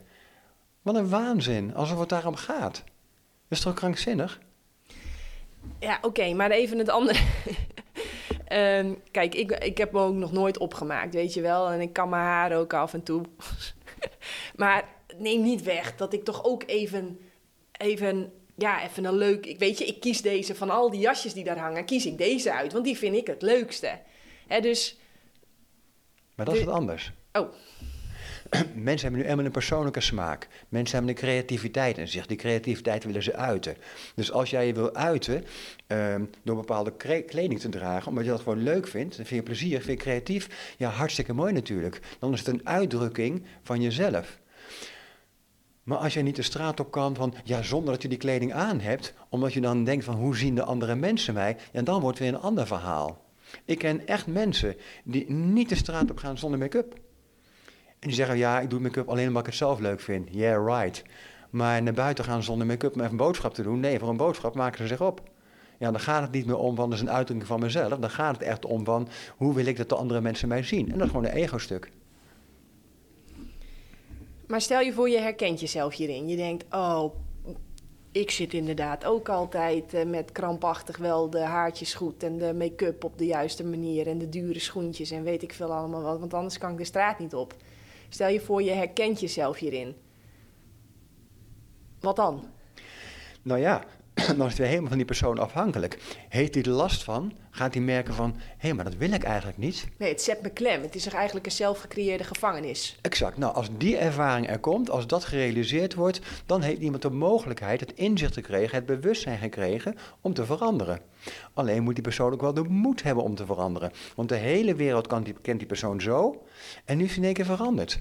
En ja, maar waarom doe je dat nou? Ja, het voelt niet meer goed. Ja, maar je hebt het altijd zo gedaan. Ja, maar het voelt niet meer goed. Raar hoor. En dan kan het zijn dat je uiteindelijk niet meer bij die groep mensen hoort waar je altijd bij gehoord hebt. En dat je daardoor ook voelt, hé, hey, heb ik die prijs ervoor over? Wil ik dat wel? Als je wil groeien, dan heb je die prijs ervoor over. Want het levert je uiteindelijk veel meer op. Als je bang bent om niet meer bij die groep te horen, dan uh, geef je jezelf op. En ja, verlogen je jezelf eigenlijk om bij die groep te horen. Ik weet nog wel heel leuk, toen... Uh, ik zo in mijn processen terecht kwam. En ik, uh, nou ja, inderdaad begon te groeien en andere inzichten kreeg. En die begon ik thuis uh, te delen. bij mijn moeder thuis, mijn ouders thuis. En uh, dat mijn moeder me echt zo aankeek. Ja, maar jongen, je was vroeger zo normaal. Ja, en daarmee bedoelde ze normaal volgens hun normen en waarden. Dus die, die was ik ontstegen, zo gezegd. En ik zat hele andere inzichten. Ja, ze konden er helemaal niks mee. Maar ze was gewoon, ja, dat was ik niet meer. Nee, dat klopt, dat was ik ook niet meer. En je zegt wel iets leuks. Je zegt uh, je moet de moed hebben en je moet ook een bepaalde prijs betalen, zeg maar, voor het afdoen van uh, die, maskers. Die, die, maskers en die, die, die gevangenis. Ik vind het alleen wel leuk dat um, als jij gewoon jezelf blijft en je blijft gewoon lekker doen wat je leuk vindt, dan op een gegeven moment word je ook heel erg beloond of zo voor die echtheid. Voor um, dat het inderdaad niet erom gaat of je haartjes wel goed zitten of uh, je de juiste kleding draagt, weet ik veel, allemaal wat. Um, hoe, hoe, zeg ik iets geks? Nee, nee, de beloning is enorm. De beloning is namelijk jouw, jouw essentie, jouzelf. En de uitdrukking daarvan, dat is je beloning. De volheid van het leven is jouw beloning. Je wordt niet meer eh, geregeerd door de normen en waarden van de ander. Je wordt niet meer van, hé, hey, maar zo moet ik doen, anders hoor ik er niet meer bij. Want dat is wat mensen hebben. Ze zijn bang om er niet meer bij te horen. Maar je hoort er nog wel bij. Je hoort überhaupt bij de mensheid. Je hoort bij het leven. Ik bedoel, je hoort overal bij. Als je bij jezelf hoort, als je bij jezelf thuis bent, ben je overal thuis dan heb je de ander niet nodig om dat te bevestigen. Je hebt nog steeds andere mensen nodig omdat je een sociaal wezen bent. Dat zit in de aard van je mens zijn. Maar je hebt niet meer hun bevestiging nodig. dus dat is natuurlijk een belangrijk iets. Wat ook al belangrijk is om te realiseren, er zijn ook mensen die lopen naar buiten als een schroepetje boek, haren alle kanten op, heel bewust.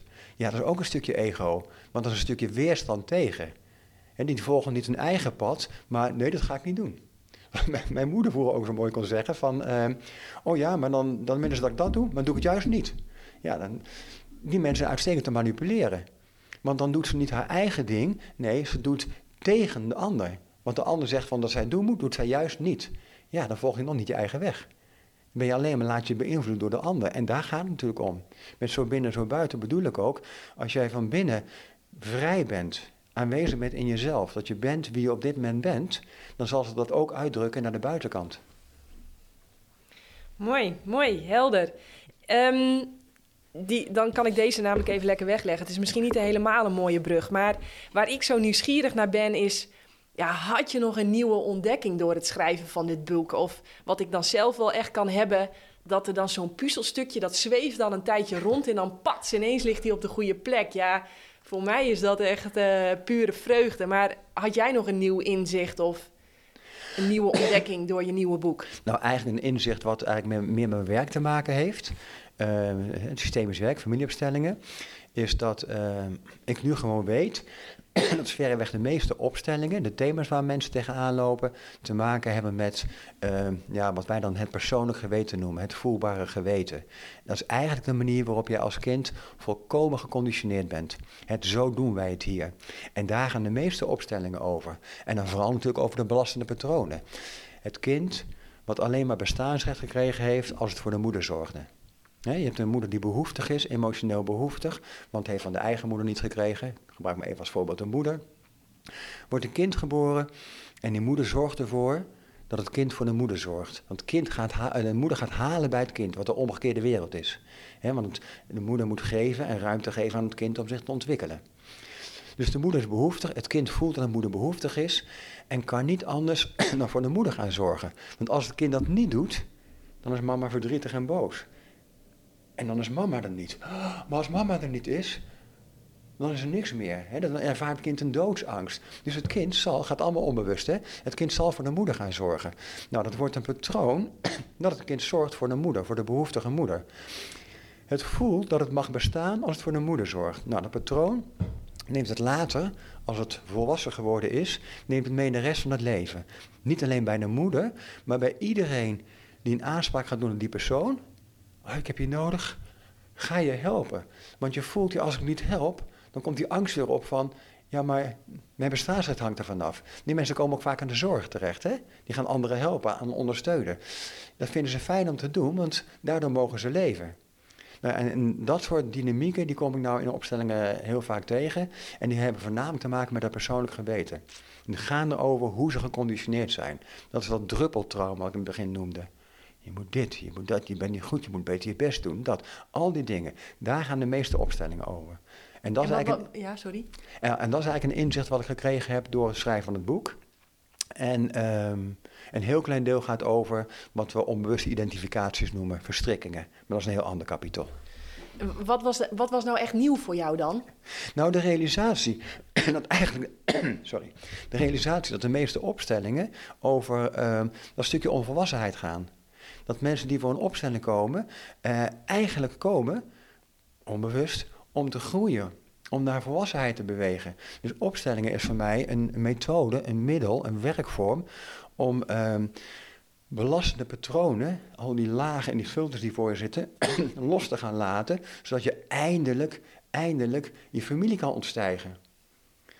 En, dat, en vroeger dacht ik ook met dat persoonlijk geweten, dat het gewoon een geweten was waar je hele leven, ja, dat was nu eenmaal het geweten wat je hebt. Maar nu weet ik ook, nee, dat geweten moet je ontstijgen. Je moet niet in de schoot van je familie blijven, je moet dat ontstijgen. En dat betekent niet dat je geen contact meer hebt met je familie. Of een oordeel hebt. Of een oordeel hebt, inderdaad. Maar het betekent dat je niet meer hun belastende patronen volgt. Dat je niet meer volgt wat jou, wat jou aangeleerd is, maar dat je volgt wat je voelt, waar het leven heen bewegen wil. En als het compleet anders is dan jouw familie eh, van jou vraagt, dan ga je dat doen. Zelfs als de familie jou daardoor buitensluit. Want als je die prijs niet wil betalen, dan blijf je in de schoot van de familie en dan blijf je in die belastende patronen en je verloochent daarmee jezelf. En word je dus niet volwassen. En dat is een orde natuurlijk. Hè? Het, is, het is niet goed of fout, het is alleen maar de consequentie van. Ja, wauw. Ja. Waar ik ook heel uh, razend nieuwsgierig naar ben, is hoe staat volwassen worden eigenlijk in relatie tot je gezondheid? Eén ehm, op één volgens mij. Een volwassen mens kan, uh, zorgt goed voor zichzelf. En dat houdt voeding in, dat houdt beweging in, dat houdt rust in. En jouw lichaam, ieder menselijk lichaam, ook ieder niet-menselijk lichaam denk ik, heeft drie basisbehoeftes.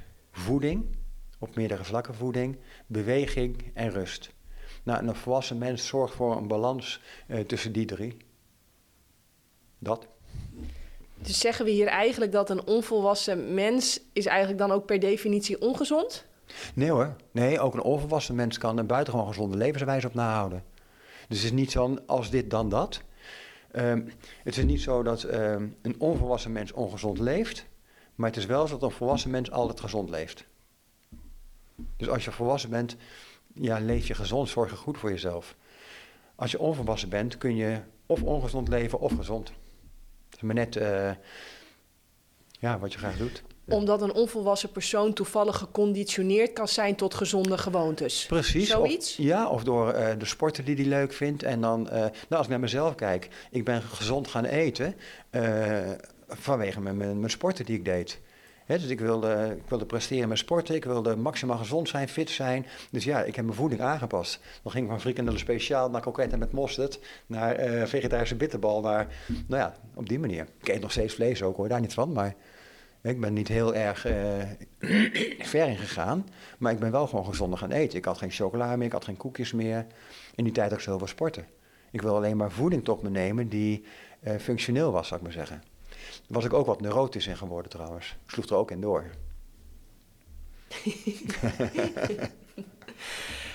um, ja, ik wil toch nog even verder inzoomen op die gezondheid. Want ik kan me ook voorstellen dat als je die belastende kindpatronen loslaat, dat energie beter kan stromen. Dat je ja.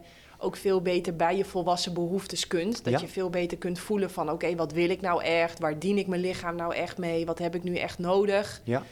Maar ik kan hem ook nog iets verder trekken. En dan ben ik wel nieuwsgierig. Want jij zegt, ja, ik eet nog wel vlees. Maar volwassen zit hem toch ook heel erg in het kunnen denken van win-win. Dus dat mijn gedrag ook...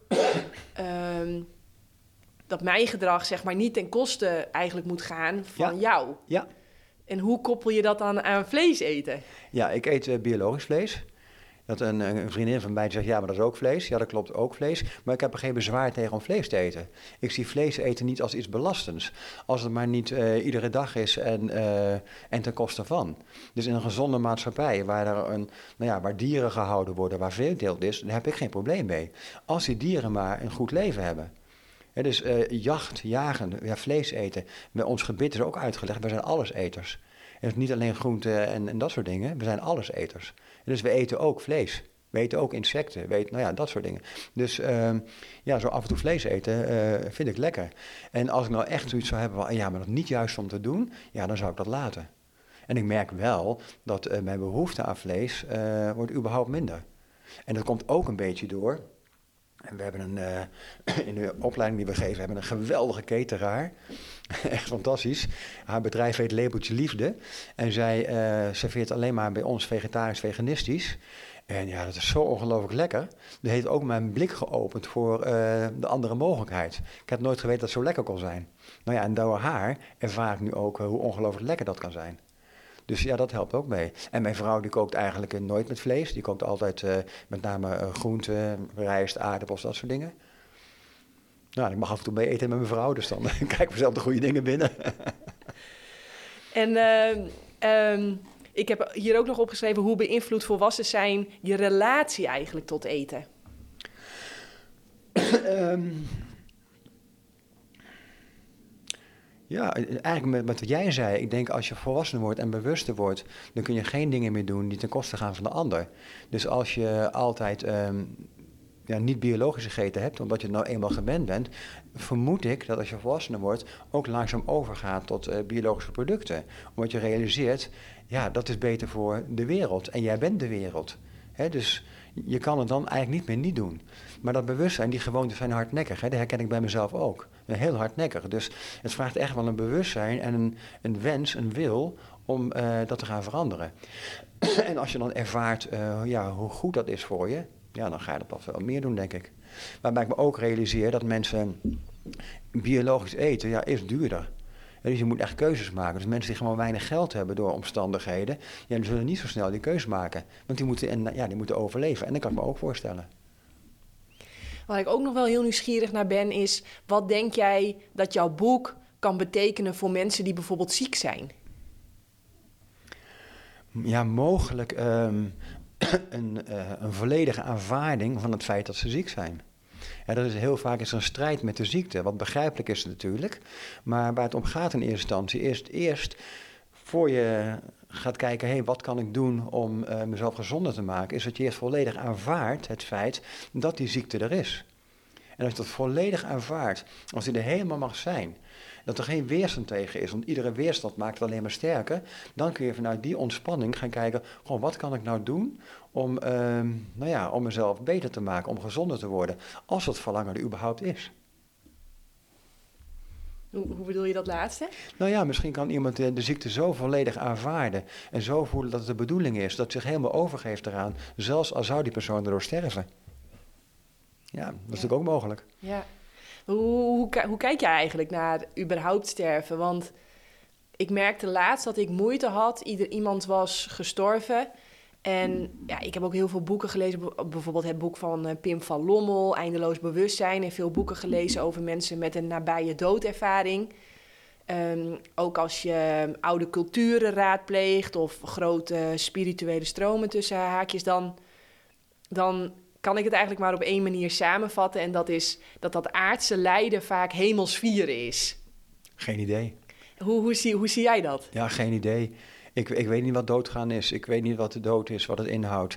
Um, in mijn wereldbeeld is alles bewustzijn. Dus um, als je doodgaat, dan, ja, dan houdt dat wat je nu bent, houdt op.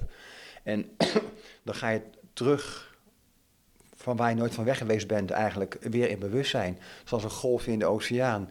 Uh, denk dat het een golfje is, maar het is gewoon de oceaan. Als het golfje neergeslagen is, is het weer de oceaan. En hoe dat eruit ziet en hoe dat, ja, hoe dat werkt, heb ik geen idee. Ik, ik kan er van alles over bedenken, ik kan er van alles over gissen, maar weten doe ik het niet. Maar stel je voor iemand, iemand overlijdt. Ja. Wat, wat, dan wordt dat in de Nederlandse cultuur en in de Nederlandse traditie... zijn wij wel heel erg dat we dat heel vervelend vinden en verdrietig en we rouwen. En het wordt even tussen haakjes wel als negatief bestempeld dan, en, en iets als we wat we hadden moeten voorkomen. Iets wat niet had mogen gebeuren. Op die manier. Ja, het, het doodgaan is natuurlijk een volkomen natuurlijk proces. Ik bedoel, we leven hier in een wereld van polariteiten. Dus uh, er bestaat geen leven zonder dood. Zo simpel is dat. De moment dat je geboren bent, uh, weet je dat je doodgaat. Doodgaan is onvermijdelijk. En verdriet, een rouwproces, is ook onvermijdelijk. Um, maar natuurlijk gebeurt de dood. En natuurlijk mag de dood ook gebeuren. Het is niet iets wat je ten koste van alles moet vermijden. Het hoort bij het leven, de dood. Maar het rouwproces, het verdriet van het afscheid nemen van iemand die er dierbaar is, hoort ook bij het leven. Want het rouwproces maakt ook uiteindelijk dat jij weer verder kan met je leven. En het mooie is wel, Manu Kiersen, dat is een, ik weet niet of het goed uitspreekt zijn naam, een rouwtherapeut. Ja, je zegt het goed. Oké, ja, die zegt het heel mooi. Hij zegt, je relatie met de doden is veranderd. De relatie die had tussen de relatie is veranderd. Dus de persoon is wel dood, maar in jou hoeft die persoon niet weg te zijn. En ik weet ook als mijn vrouw, die is op mezelf na de meest dierbare persoon in mijn leven, als die zou komen te overlijden, ja, ik zou regelmatig nog een gesprek met haar hebben en dingen tegen haar zeggen zo. Want in mij eh, is ze nog aanwezig. Dus mijn relatie is wel veranderd, want ze is dood. Maar natuurlijk mag ze doodgaan. natuurlijk mag ik doodgaan. Niks op tegen. Ik bedoel, hoe zou het anders kunnen? Dus alle weerstand tegen de dood is alleen maar gevormd door angst. En ook daar hebben uh, godsdiensten natuurlijk een aardige steentje in bijgedragen. Hè? De angst voor de hel. De, de beloning van de hemel zodat je hier op aarde maar helemaal voegt naar de wensen en normen van een bepaalde groepering. Want de hemel wordt je in het vooruitzicht gesteld. Ja, heel kinderlijk natuurlijk. Hoe kinderlijker kan je het hebben dan dat? Nou ja, omdat ik ergens ook terugzie als je ehm, je wat zeg maar niet echt hecht ja, wel, oh, wacht even, hoe moet ik dit nou even zeggen? Maar een gezonde hechting is, oké, wij hebben een relatie, we gaan eh, het, uh, elkaar helpen en ehm, nou ja, dat. Maar ergens als je volgens mij bent wie je bent, zeg maar, en je gaat je niet vastklampen, hoe moet ik dat zeggen? Dan kan je volgens mij iemand toch ook gewoon laten gaan. En Tuurlijk kun je Ik zie het een beetje aan de honden. Uh, als er dan eentje overlijdt, ik zie wel dat ze opmerken van hij is hier niet meer in de vorm. hey, we moeten even met de groep toch even een nieuwe balans vinden. Maar een paar dagen later, nou, ja, ik, ik, kan ik toch, meen ik te waarnemen dat, dat, het, dat het, nou, het is weer gezetteld en, en ja, ze, kwispelen weer vrolijk verder, om het maar zo te zeggen. Nou ja, dat kan bij mensen ook zijn natuurlijk, hè. Um, als jij volwassen genoeg bent en genoeg bewustzijn hebt om te realiseren dat zowel leven als dood, dood een, een, een prachtige illusie zijn, want we hier leven zo, maar niet, het is geen waarheid, laat ik het zo zeggen. Bewustzijn is voor mij waarheid, dat is het enige wat waar is. En het andere is allemaal een spel. We spelen hier in deze dualiteit een fantastisch spel, dat spel noemen we leven. We worden daarin bewogen, we denken dat we het zelf spelen, maar we worden bewogen in het leven. Bij dat, bij dat spel hoort het feit dat je geboren wordt, dat je in het spel terechtkomt. En het hoort bij het spel dat je het weer verlaat. En misschien dat er een of andere zielenaspecten nog zijn die weer terugkomen. Hè, reïncarnatie, ik heb geen idee. Zie ik als een mogelijkheid. Dat betekent als mijn vrouw komt te overlijden, zal ik enorm verdrietig zijn, want ze is enorm dierbaar. En tegelijkertijd is het volstrekt in orde dus dat is tegelijkertijd. Het is helemaal goed dat ze overleden is, dat mag er helemaal zijn. En dat ik alleen verder ga in mijn leven, met mijn leven, met mezelf en de andere mensen misschien. Grappig, jij denkt wel echt dat zij eerst gaat. Misschien ga nee, nee, het is, als, het voorbeeld. Ja, maar ja, misschien slip ik zo onderweg en ik lig in een plomp en... Uh, nee, ik kan ook eerst gaan, maar hè, als voorbeeld. Stel dat zij eerst gaat, ja, ja. Um, ja, dan zal ik er heel veel verdriet van hebben. Maar dat verdriet gaat voorbij. En mijn leven gaat verder. En ik zal mijn leven nog steeds vreugdevol leven. Want het leven is, ja, ik vind het leven een geweldig feest. En dat zal ik ook vieren, alleen niet meer met haar.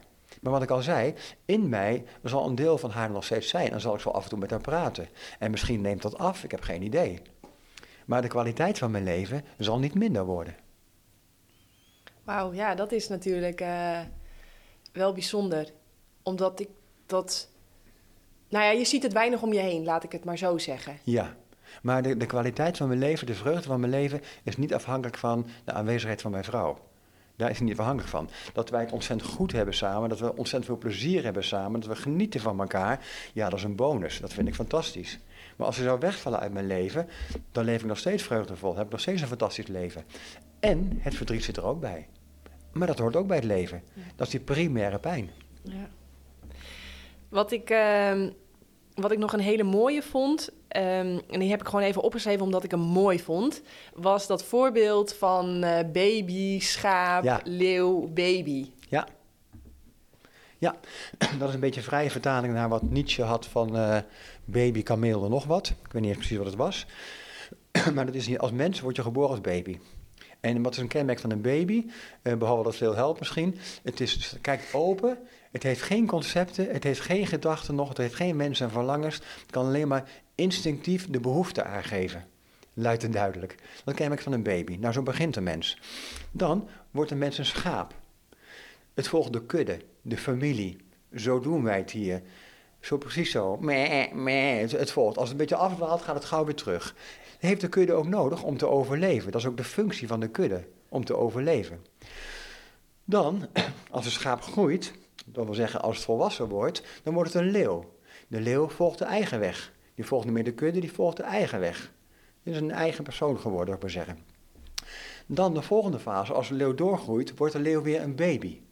Daarmee bedoel ik dan, het heeft de ontvankelijkheid, de openheid van een baby weer terug. Het is natuurlijk volwassen, niet te vergelijken met dit niveau van baby, maar het staat weer open in het leven. Het laat gebeuren wat er gebeurt, het laat zich verrassen, heeft niet al te veel of zelfs geen concepten meer in het hoofd.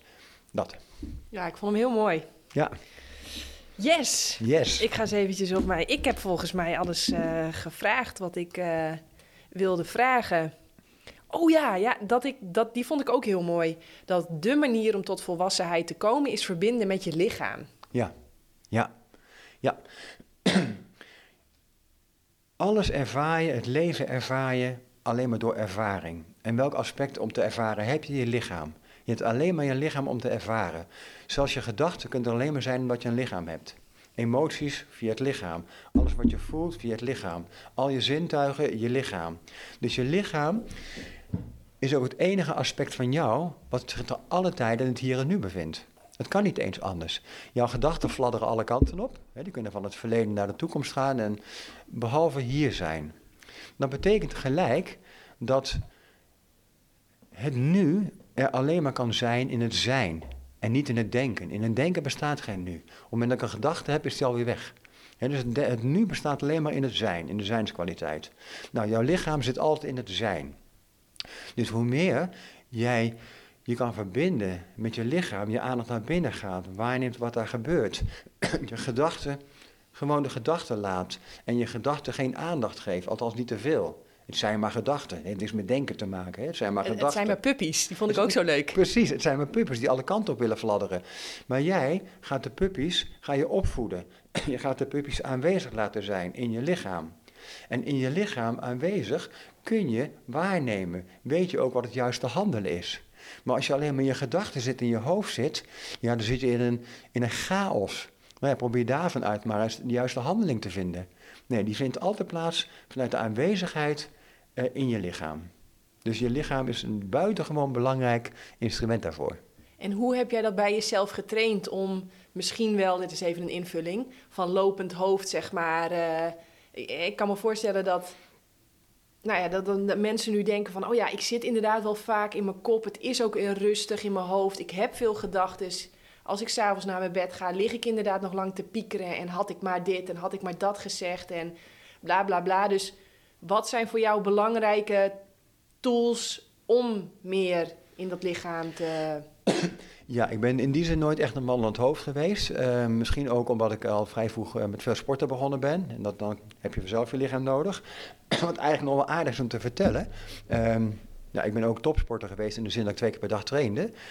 Alleen niet de resultaten behaald die een ander behaald heeft, maar het was heel vreugdevol. Um, was ik ergens bij een of andere sessie en die persoon zei, die deed iets lichaamswerk met mij en die zei, man, je zit helemaal niet in je lichaam. En ik had zoiets van, ik kom op, zo de erop, hey, hoezo ik niet in mijn lichaam? Ik, ben, ik doe een topsport, ik ben alleen maar het sporten, ik ben, ik ben lichaam. Ja, dat kan wel zijn, maar je zit niet in je lichaam. En ik, nou, ik veeg dat onmiddellijk van tafel, maar toch, maar toch, maar toch kan hij ermee bedoelen? Nou ja, hij zal uit zijn nek letsen. En later, toen mijn proces op gang kwam, uh, mijn bewustwordingsproces, hè, dat, uh, ik zal niet helemaal vertellen hoe het gegaan is, maar het ontmoeten van mijn vrouw, wat daar gebeurd is tussen mij en haar. Hebben we in de podcast één oh, verteld. Oh, kijk eens aan. Nou, ja, zie dus de eerste podcast. Ja. en uh, het systemisch werk op mijn pad kwam. en ik uiteindelijk echt begon te voelen van, hé, hey, wat gebeurt er nu eigenlijk in me? Toen kwam ik pas achter, ah ja, maar ik zit helemaal niet in mijn lichaam. Ik ben heel ergens anders. Mijn lichaam is helemaal geen veilige plek om te zijn. Nou, toen ik dat begon te realiseren, ben ik me steeds meer gaan verbinden met mijn lichaam. Door simpelweg uh, me bewust te worden van wat ik al met mijn lichaam voelde. En toen kon ik voelen dat er ongelooflijk veel angst in mijn lichaam zat. Wat ik vroeger helemaal niet kon voelen. Ik had een panzer opgebouwd. En toen voelde ik van, ah ja, die angst. En nou, zo ben ik verder mijn lichaam ingegaan. En toen donderde ik ook echt in mijn processen. En nou, toen was er geen houden meer aan. Nou, en toen ik door die processen heen was, ja, toen was ik gewoon in mijn lichaam. Maar dat is een, een bereidheid om, uh, om er naartoe te gaan. Alleen zoals je weet heb ik, geen, heb ik niet de illusie dat ik een vrije wil heb. Dus of dat gebeurt, ja, dat is maar de vraag. Ik, zeg, ik heb het ook wel als een zegen gezien hoor, dat het gebeurd is. Ik ben er heel dankbaar voor. Oké, dus, dus um, je hebt zeg maar niet echt een tool of iets wat je kunt doen om van je lichaam een veilige plek te maken? Om, of, of een maniertje om dat te trainen? Nou, ik, ik vermoed dat iedere vorm van lichaamswerk, uh, dat kan uh, Tai Chi zijn. Ik heb zelf vrij veel uh, Chi Neng Qigong beoefend, dat is ook een, een vorm van werken met je lichaam. haptonomie, nou alles maar wat met het lichaam werken is gemasseerd wordt door een massagetherapeut, misschien die dingen terug kan geven, die kan uitnodigen om ergens naartoe te gaan. Al die aspecten helpen je om naar je lichaam te gaan. En vooral ook, maar dat is wat moeilijker voor mensen, uh, om niet iedere keer gedachten te blijven volgen. En dat is vaak heel moeilijk, omdat mensen zo makkelijk, zo snel in hun gedachten zitten. Maar als je in contact bent met je lichaam, dan worden je gedachten uiteindelijk alleen maar je gedachten. Want wolken langskomen in de hemel, ach die drijven voorbij, je hoeft er niks mee. Ja. Dat. Ja, leuk, mooi. En ik had nog opgeschreven de telefoon. Omdat, ik weet niet, er is binnen 20 jaar of 30 jaar... is er van iets wat voorkwam in, in, in, in, in films... is iets geworden tot waar we helemaal door zijn bezeten. Ja. Ja, ik vind het heel onvolwassen. Als jij beheerst wordt door die telefoon en niet je telefoon kunt beheersen. Ja. Uh, maar goed, dat is een beetje kort door de bocht. Heb jij er misschien iets zinnigers over te zeggen? Nou, net zo zinnig als jij. Het is een teken van onvolwassenheid. Het is, er zit een, een, een behoefte in, een drang, een, een geïnformeerd willen worden, iets willen weten. In plaats van aanwezig te zijn in jezelf. En gewoon om je heen te kijken. Hoeveel mensen zitten niet ergens en het eerste doen een telefoon pakken. En kunnen niet gewoon zitten en zijn en om hen heen kijken. Ja, je gaat er niet niks zitten doen. Nee, oké. dus, die pakken onmiddellijk de telefoon. Die willen afgeleid worden van het zijn, als het ware. Ja, en het is gewoon een epidemie. Het is onvoorstelbaar. Het is, onver, het is verbijsterend. Maar ja, aan de andere kant kan het blijkbaar niet anders gaan dan het zo gaat. En zal hierna misschien ook weer iets anders volgen. Geen idee. Maar het is, um, ja, onvolwassen. En hoe belangrijk denk jij dan dat het is om af en toe even uit je neus te peuteren en gewoon eens even te zitten en te wachten voor zover dat kan? Uh, ja, om eens, om eens gewoon een busritje uit het raam te kijken. Hoe, hoe, hoe denk je dat dat belangrijk is? Die momenten van op de wc zitten en gewoon even zitten kakken, zeg maar. Om ja? het maar even zo te zeggen. Ja, ik denk dat het heel belangrijk is. Het zijn de rustmomenten in je leven. Het is rust. En wat ik straks zei, je lichaam heeft behoefte aan voeding, beweging en rust. En die rust is essentieel voor je lichaam, maar ook voor je geest. Juist als je niet denkt, juist als je een beetje appelig voor je uit zit te kijken, eh, dan kan er in één keer inspiratie opkomen. Dan is er ruimte voor. Anders zit je hoofd vol met gedachten, vol met dat mobieltje voor je neus, vol met wat vinden zij daarvan, vol met. Dus die rust is essentieel, vind ik. Ja. Ja, wauw. Dus eventjes gewoon geen telefoon, geen prikkels. Even uit je neus peuteren en je haar laten groeien. Dat, dat, dat, zo vat ik het altijd samen. Ja, wat doe je? Ja, nee, ik laat mijn haar groeien. Daar kunnen mensen al helemaal niks mee. Maar dat dat inderdaad, dat, dat lummelen en dat, dat dat dus ook heel belangrijk is, hoor ik jou zeggen, om die inspiratie, om dat, om dat bewustzijn eigenlijk eventjes ja. nog wat helder te kunnen voelen, ervaren, om het maar even zo te zeggen. Ja, want als je aan niks doen bent, als je een beetje voor je uit zit te kijken, je bent aan het leven, je bent aanwezig, het leven vindt plaats in jou, er gebeurt van alles. Alleen je zit er lekker ontspannen bij en te kijken. En het voelt heel vredig. Het voelt vaak heel, ja, de, de tijd gaat voorbij eigenlijk zonder dat er iets, iets gebeurd is. Het is heel erg aanwezig eigenlijk. Alleen ook hier weer, Je gaat niet zitten niks doen. Hé, doe eens wat. Ga eens gaan zitten doen. Dat is, je, je moet dat zitten doen. Maar we zijn human beings, geen human doings. Hè? Dus we hoeven alleen maar te zijn eigenlijk. Het is, zo, het is zo simpel. Het leven is buitengewoon simpel. Maar we hebben het zo complex gemaakt. We hebben er zoveel tussen gezet. Er zitten zoveel conditioneringen tussen, zoveel overtuigingen. Maar de essentie van het leven is zo simpel. ja, ja, ik ben het er helemaal mee eens. En tegelijkertijd kan ik denken, die luisteraar die denkt echt... Ja, en ondertussen zitten jullie wel, uh, hebben jullie wel beide drie boeken geschreven en hebben jullie een heel opleidingsinstituut. Dus zijn jullie de hele dag met mensen bezig. Dus ik kan me ook voorstellen dat die luisteraar denkt van, ja. Ik heb tot mijn dertigste op kamers gewoond. Uh, ik was uh, karate- en kickboxleraar. ik verdiende heel weinig geld en ik had een fantastisch leven. Ik had een bed, ik had een douche. Uh, ik kon eten kopen, ik leefde mijn passie, ik deed wat ik leuk vond. Ik had een fantastisch leven en ik had helemaal niks. En toen ik begon met systemisch werk, heeft me alleen maar geld gekost, de opleidingen, maar ik wist gewoon, dit moet ik met mijn leven doen. Dit ga ik doen. Dus ik heb een volle baan gehad daarnaast. Daarnaast heb ik uh, gewerkt, systemisch werk gedaan. Zo niet het bedrijf opgebouwd, dat is vanzelf gegaan. Ik heb mijn passie geleefd. Ja, en dat, dat begon te groeien en er kwam meer bij en meer bij. En tot mijn stomme verbazing hadden we uiteindelijk een bedrijf, een instituut. Maar dat niet omdat ik een instituut wilde hebben, het is omdat ik mijn passie leef. En het instituut is eruit voortgekomen. Ja, en dat vind ik zo mooi. Dus waar ergens kwam die moed vandaan om toch die passie te volgen? Want ik kan me ook voorstellen dat bij heel veel mensen er een rem op zit. Zo van, ja, klinkt allemaal leuk. Ik ben bijvoorbeeld heel goed in tekenen of heel goed in schilderen. Of mijn passie is heel erg om te sporten. En dan komt de maar. Ja, die maar was het bij mij niet. um, toen ik met vechtsporten begon, ja, dat was mijn levenswijze. En ik heb toen ook op alle mogelijke manieren uh, werk proberen te vermijden. Um, om maar mijn passie te kunnen volgen. Dat is ook steeds gelukt.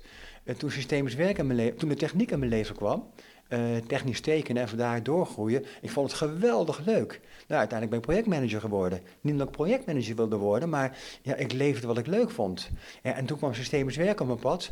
En nou ja, ik wist, dat ga ik met mijn leven doen. En er was geen moed voor nodig, maar ik ben dat gewoon gaan doen. Dat was geen andere optie. Dus ja, het, het, het, kon gewoon niet anders. Nou ja, wat ik dan bij Eckhart Tolle zo mooi teruglees, is dat hij zegt ook echt die passie en die plezier en dat enthousiasme, dat zijn echt je richtingaanwijzers. Absoluut. Daar moet je achteraan lopen. Absoluut. En, en, en eigenlijk is het niet moeilijker dan dat. Ja, helemaal mee eens. Ik had het niet mooier kunnen zeggen dan Eckhart nee, totaal mee eens. Je passie, je vreugde, wat je blij maakt, waar sprankel in zit, enthousiasme. Ja, dan voel je, als je dat spoor volgt, dan volg je een spoor voor wat het leven voor jou in petto heeft. Want dat zijn de kenmerken, de signalen dat je de goede weg bent. En alle signalen die maken dat iets zwaar wordt, iets, iets lomp wordt, iets moeizaam gaat, ja, dat is de verkeerde kant. Dat betekent dat als je je passie volgt, dat je nog steeds uh, sommige dingen heel hard voor moet werken. Alleen dat is vreugdevol. Je doet het graag, je vindt het leuk. En kan er steeds zijn dat er dingen gebeuren op je pad ook die zwaar zijn, die moeilijk zijn. Maar dat is niet erg, want je voelt dat hoort erbij. Je laat je niet door belemmeren. Je groeit er alleen maar van. Het helpt je alleen maar om te groeien. Maar de moed hebben dan blijkbaar om die weg te volgen. En al die duizenden jaar maars, al die groeiende redenen. Ja, maar ik heb studerende kinderen. Ja, dan studeren ze maar niet. Gaan ze maar werken. Of ze zorgen maar zelf dat ze aan een beurs komen, wat dan ook. Jij gaat doen wat je leuk vindt. Je ondersteunt je kinderen natuurlijk waar mogelijk, maar niet ten koste van jezelf. Daar is niemand mee gebaat. Doe wat je vreugde geeft. Ja, makkelijker gezegd dan gedaan. Ja, het is makkelijk gezegd. En als je in een vastzittende patroon, is het ook niet makkelijk om eruit te komen. Maar ja, als je iets makkelijks was, wilde hebben, moet je een andere planeet zoeken, niet deze aarde. Maar dat is toch een gigantische paradox eigenlijk die je nu zegt. Want aan de ene kant zeg je, ja, we zijn hier wel voor vreugde en plezier. En aan de andere kant um, is tegelijkertijd het leven een soort van één grote hindernisbaan. Nou ja, alleen maar als je het ziet als een hindernisbaan. Je, je, ziet het alleen maar als een hindernisbaan als je het ziet als een hindernisbaan. Als je het niet als een hindernisbaan ziet, maar simpelweg als de weg van je leven, dan is er geen hindernisbaan. Een hindernisbaan is een concept in je hoofd. Maar het is er helemaal niet. Het is een concept wat jij bedenkt. Het is er helemaal niet. Het is alleen maar dat wat er gebeurt. En jij betitelt het als een hindernis. Jij betitelt het als een probleem. Maar dat is het niet. Het is alleen maar iets wat gebeurt. En de vraag is, hoe ga jij met die gebeurtenis om? Ja. Nou, mooi. wil, je nog iets, uh, wil je hier nog iets aan toevoegen? Heb ik iets helemaal onbelicht gelaten? Nee, ik ben eigenlijk alleen maar. Um, uh, daarom kan ik ook geen lezingen geven, maar wel podcast doen. Ik kan alleen maar gedijen bij vragen. Dus ik heb vragen nodig om wat te kunnen vertellen. Als ik geen vragen krijg, dan is het blanco. Daarom doe ik ook geen lezing, want dan moet ik zomaar iets gaan vertellen. Dat kan ik helemaal niet. Dus uh, nee, ik zou niet weten wat. nou, hartstikke leuk. Um, nou, dan heb ik nog wel een vraag. Waar kunnen mensen jouw werk vinden? Mijn werk? Het instituut bedoel je? Nou, en uh, waar kunnen mensen je boek vinden? Waar kunnen mensen je werk vinden? Oh, Hoe kunnen mensen die denken van... oh ja, dat systemisch werk, dat lijkt mij wel wat. Uh, volgens mij is dat wel iets voor mij. Oké, okay, dan volgt hier nu een commercial break. Ja, ja. uh, Instituut voor Systemisch Werk, hè, dat is zoals ons instituut heet. Dus www.ivsw.nl, dan kom je op ons instituut terecht. En het boek kun je bestellen bij uitgeverij Noorderlicht... Of um, ja, als het in de winkel ligt, in de winkel natuurlijk, of bol.com. Dus uh, als het goed is, is het vanaf uh, gisteren overal verkrijgbaar. Mooi, super. Dus als deze, als deze show, deze podcast online komt, kun je het boek gewoon overal vinden. Gewoon zoeken op volwassen worden voor volwassenen en je hebt het. Ja, ja. En uh, ja, ik zou dan zeggen van, ga lekker naar de boekwinkel of naar uitgeverij Noordlicht. En bol.com die redt zich ook wel zonder ja, dat ben ik helemaal met je eens. Ja. dat is het makkelijkst voor de meeste mensen vaak. Maar het zou mooi zijn als bij uitgeverij Noorderlicht willen kopen. Want die doen er ook een inspanningen voor. Ja, precies. Zeker. Precies. Ja. Mooi. Hartstikke bedankt. Heel erg leuk. Heel graag gedaan. Ja, en uh, met veel plezier ook in je boek. Uh, ik heb het nog niet uit, maar ik ben er met heel veel plezier in aan het lezen. Ik vind het ook grappig op een bepaalde manier. Ja. nou, dat is toch leuk? Ja, zeker. En, ja. en ik denk ook, uh, ga ik toch even de commercial break even verlengen. Ik ben heel erg fan van Eckhart Tolle. Wat ik, uh, ik maakte zo straks al het geintje van dit is een beetje Eckhart Tolle, maar dan met een bepaalde Duitse degelijkheid. Nou blijkt ook dat je Duitse roots hebt. Um, er zit een bepaalde eenvoud in, heel erg even stap voor stap. Um, ja, ik kan me voorstellen dat het als je ook al heel veel boeken hebt gelezen die gaan over bewustzijnontwikkeling, dat je echt heel veel gaat herkennen, maar dat je wel denkt, oh, lekkere samenvatting dit. Eventjes uh, to the point, geen ja. woord te veel. Ja. Um, dus dat was even de verlenging van de commercial Dankjewel. break. Dankjewel. Jij heel erg bedankt voor het kijken, voor het luisteren. Vind je dit gaaf? Deel het volop op je social media. Uh, je mag ook naar jannekevandermeulen.nl gaan. Daar vind je de knop doneren. Dat is ook de plek waar je het boek De Eiwitleugen vindt. En waar je dus sinds kort een receptenboek vindt. Uh, waarin ik eigenlijk ja, geen recepten deel, maar echt de formule deel.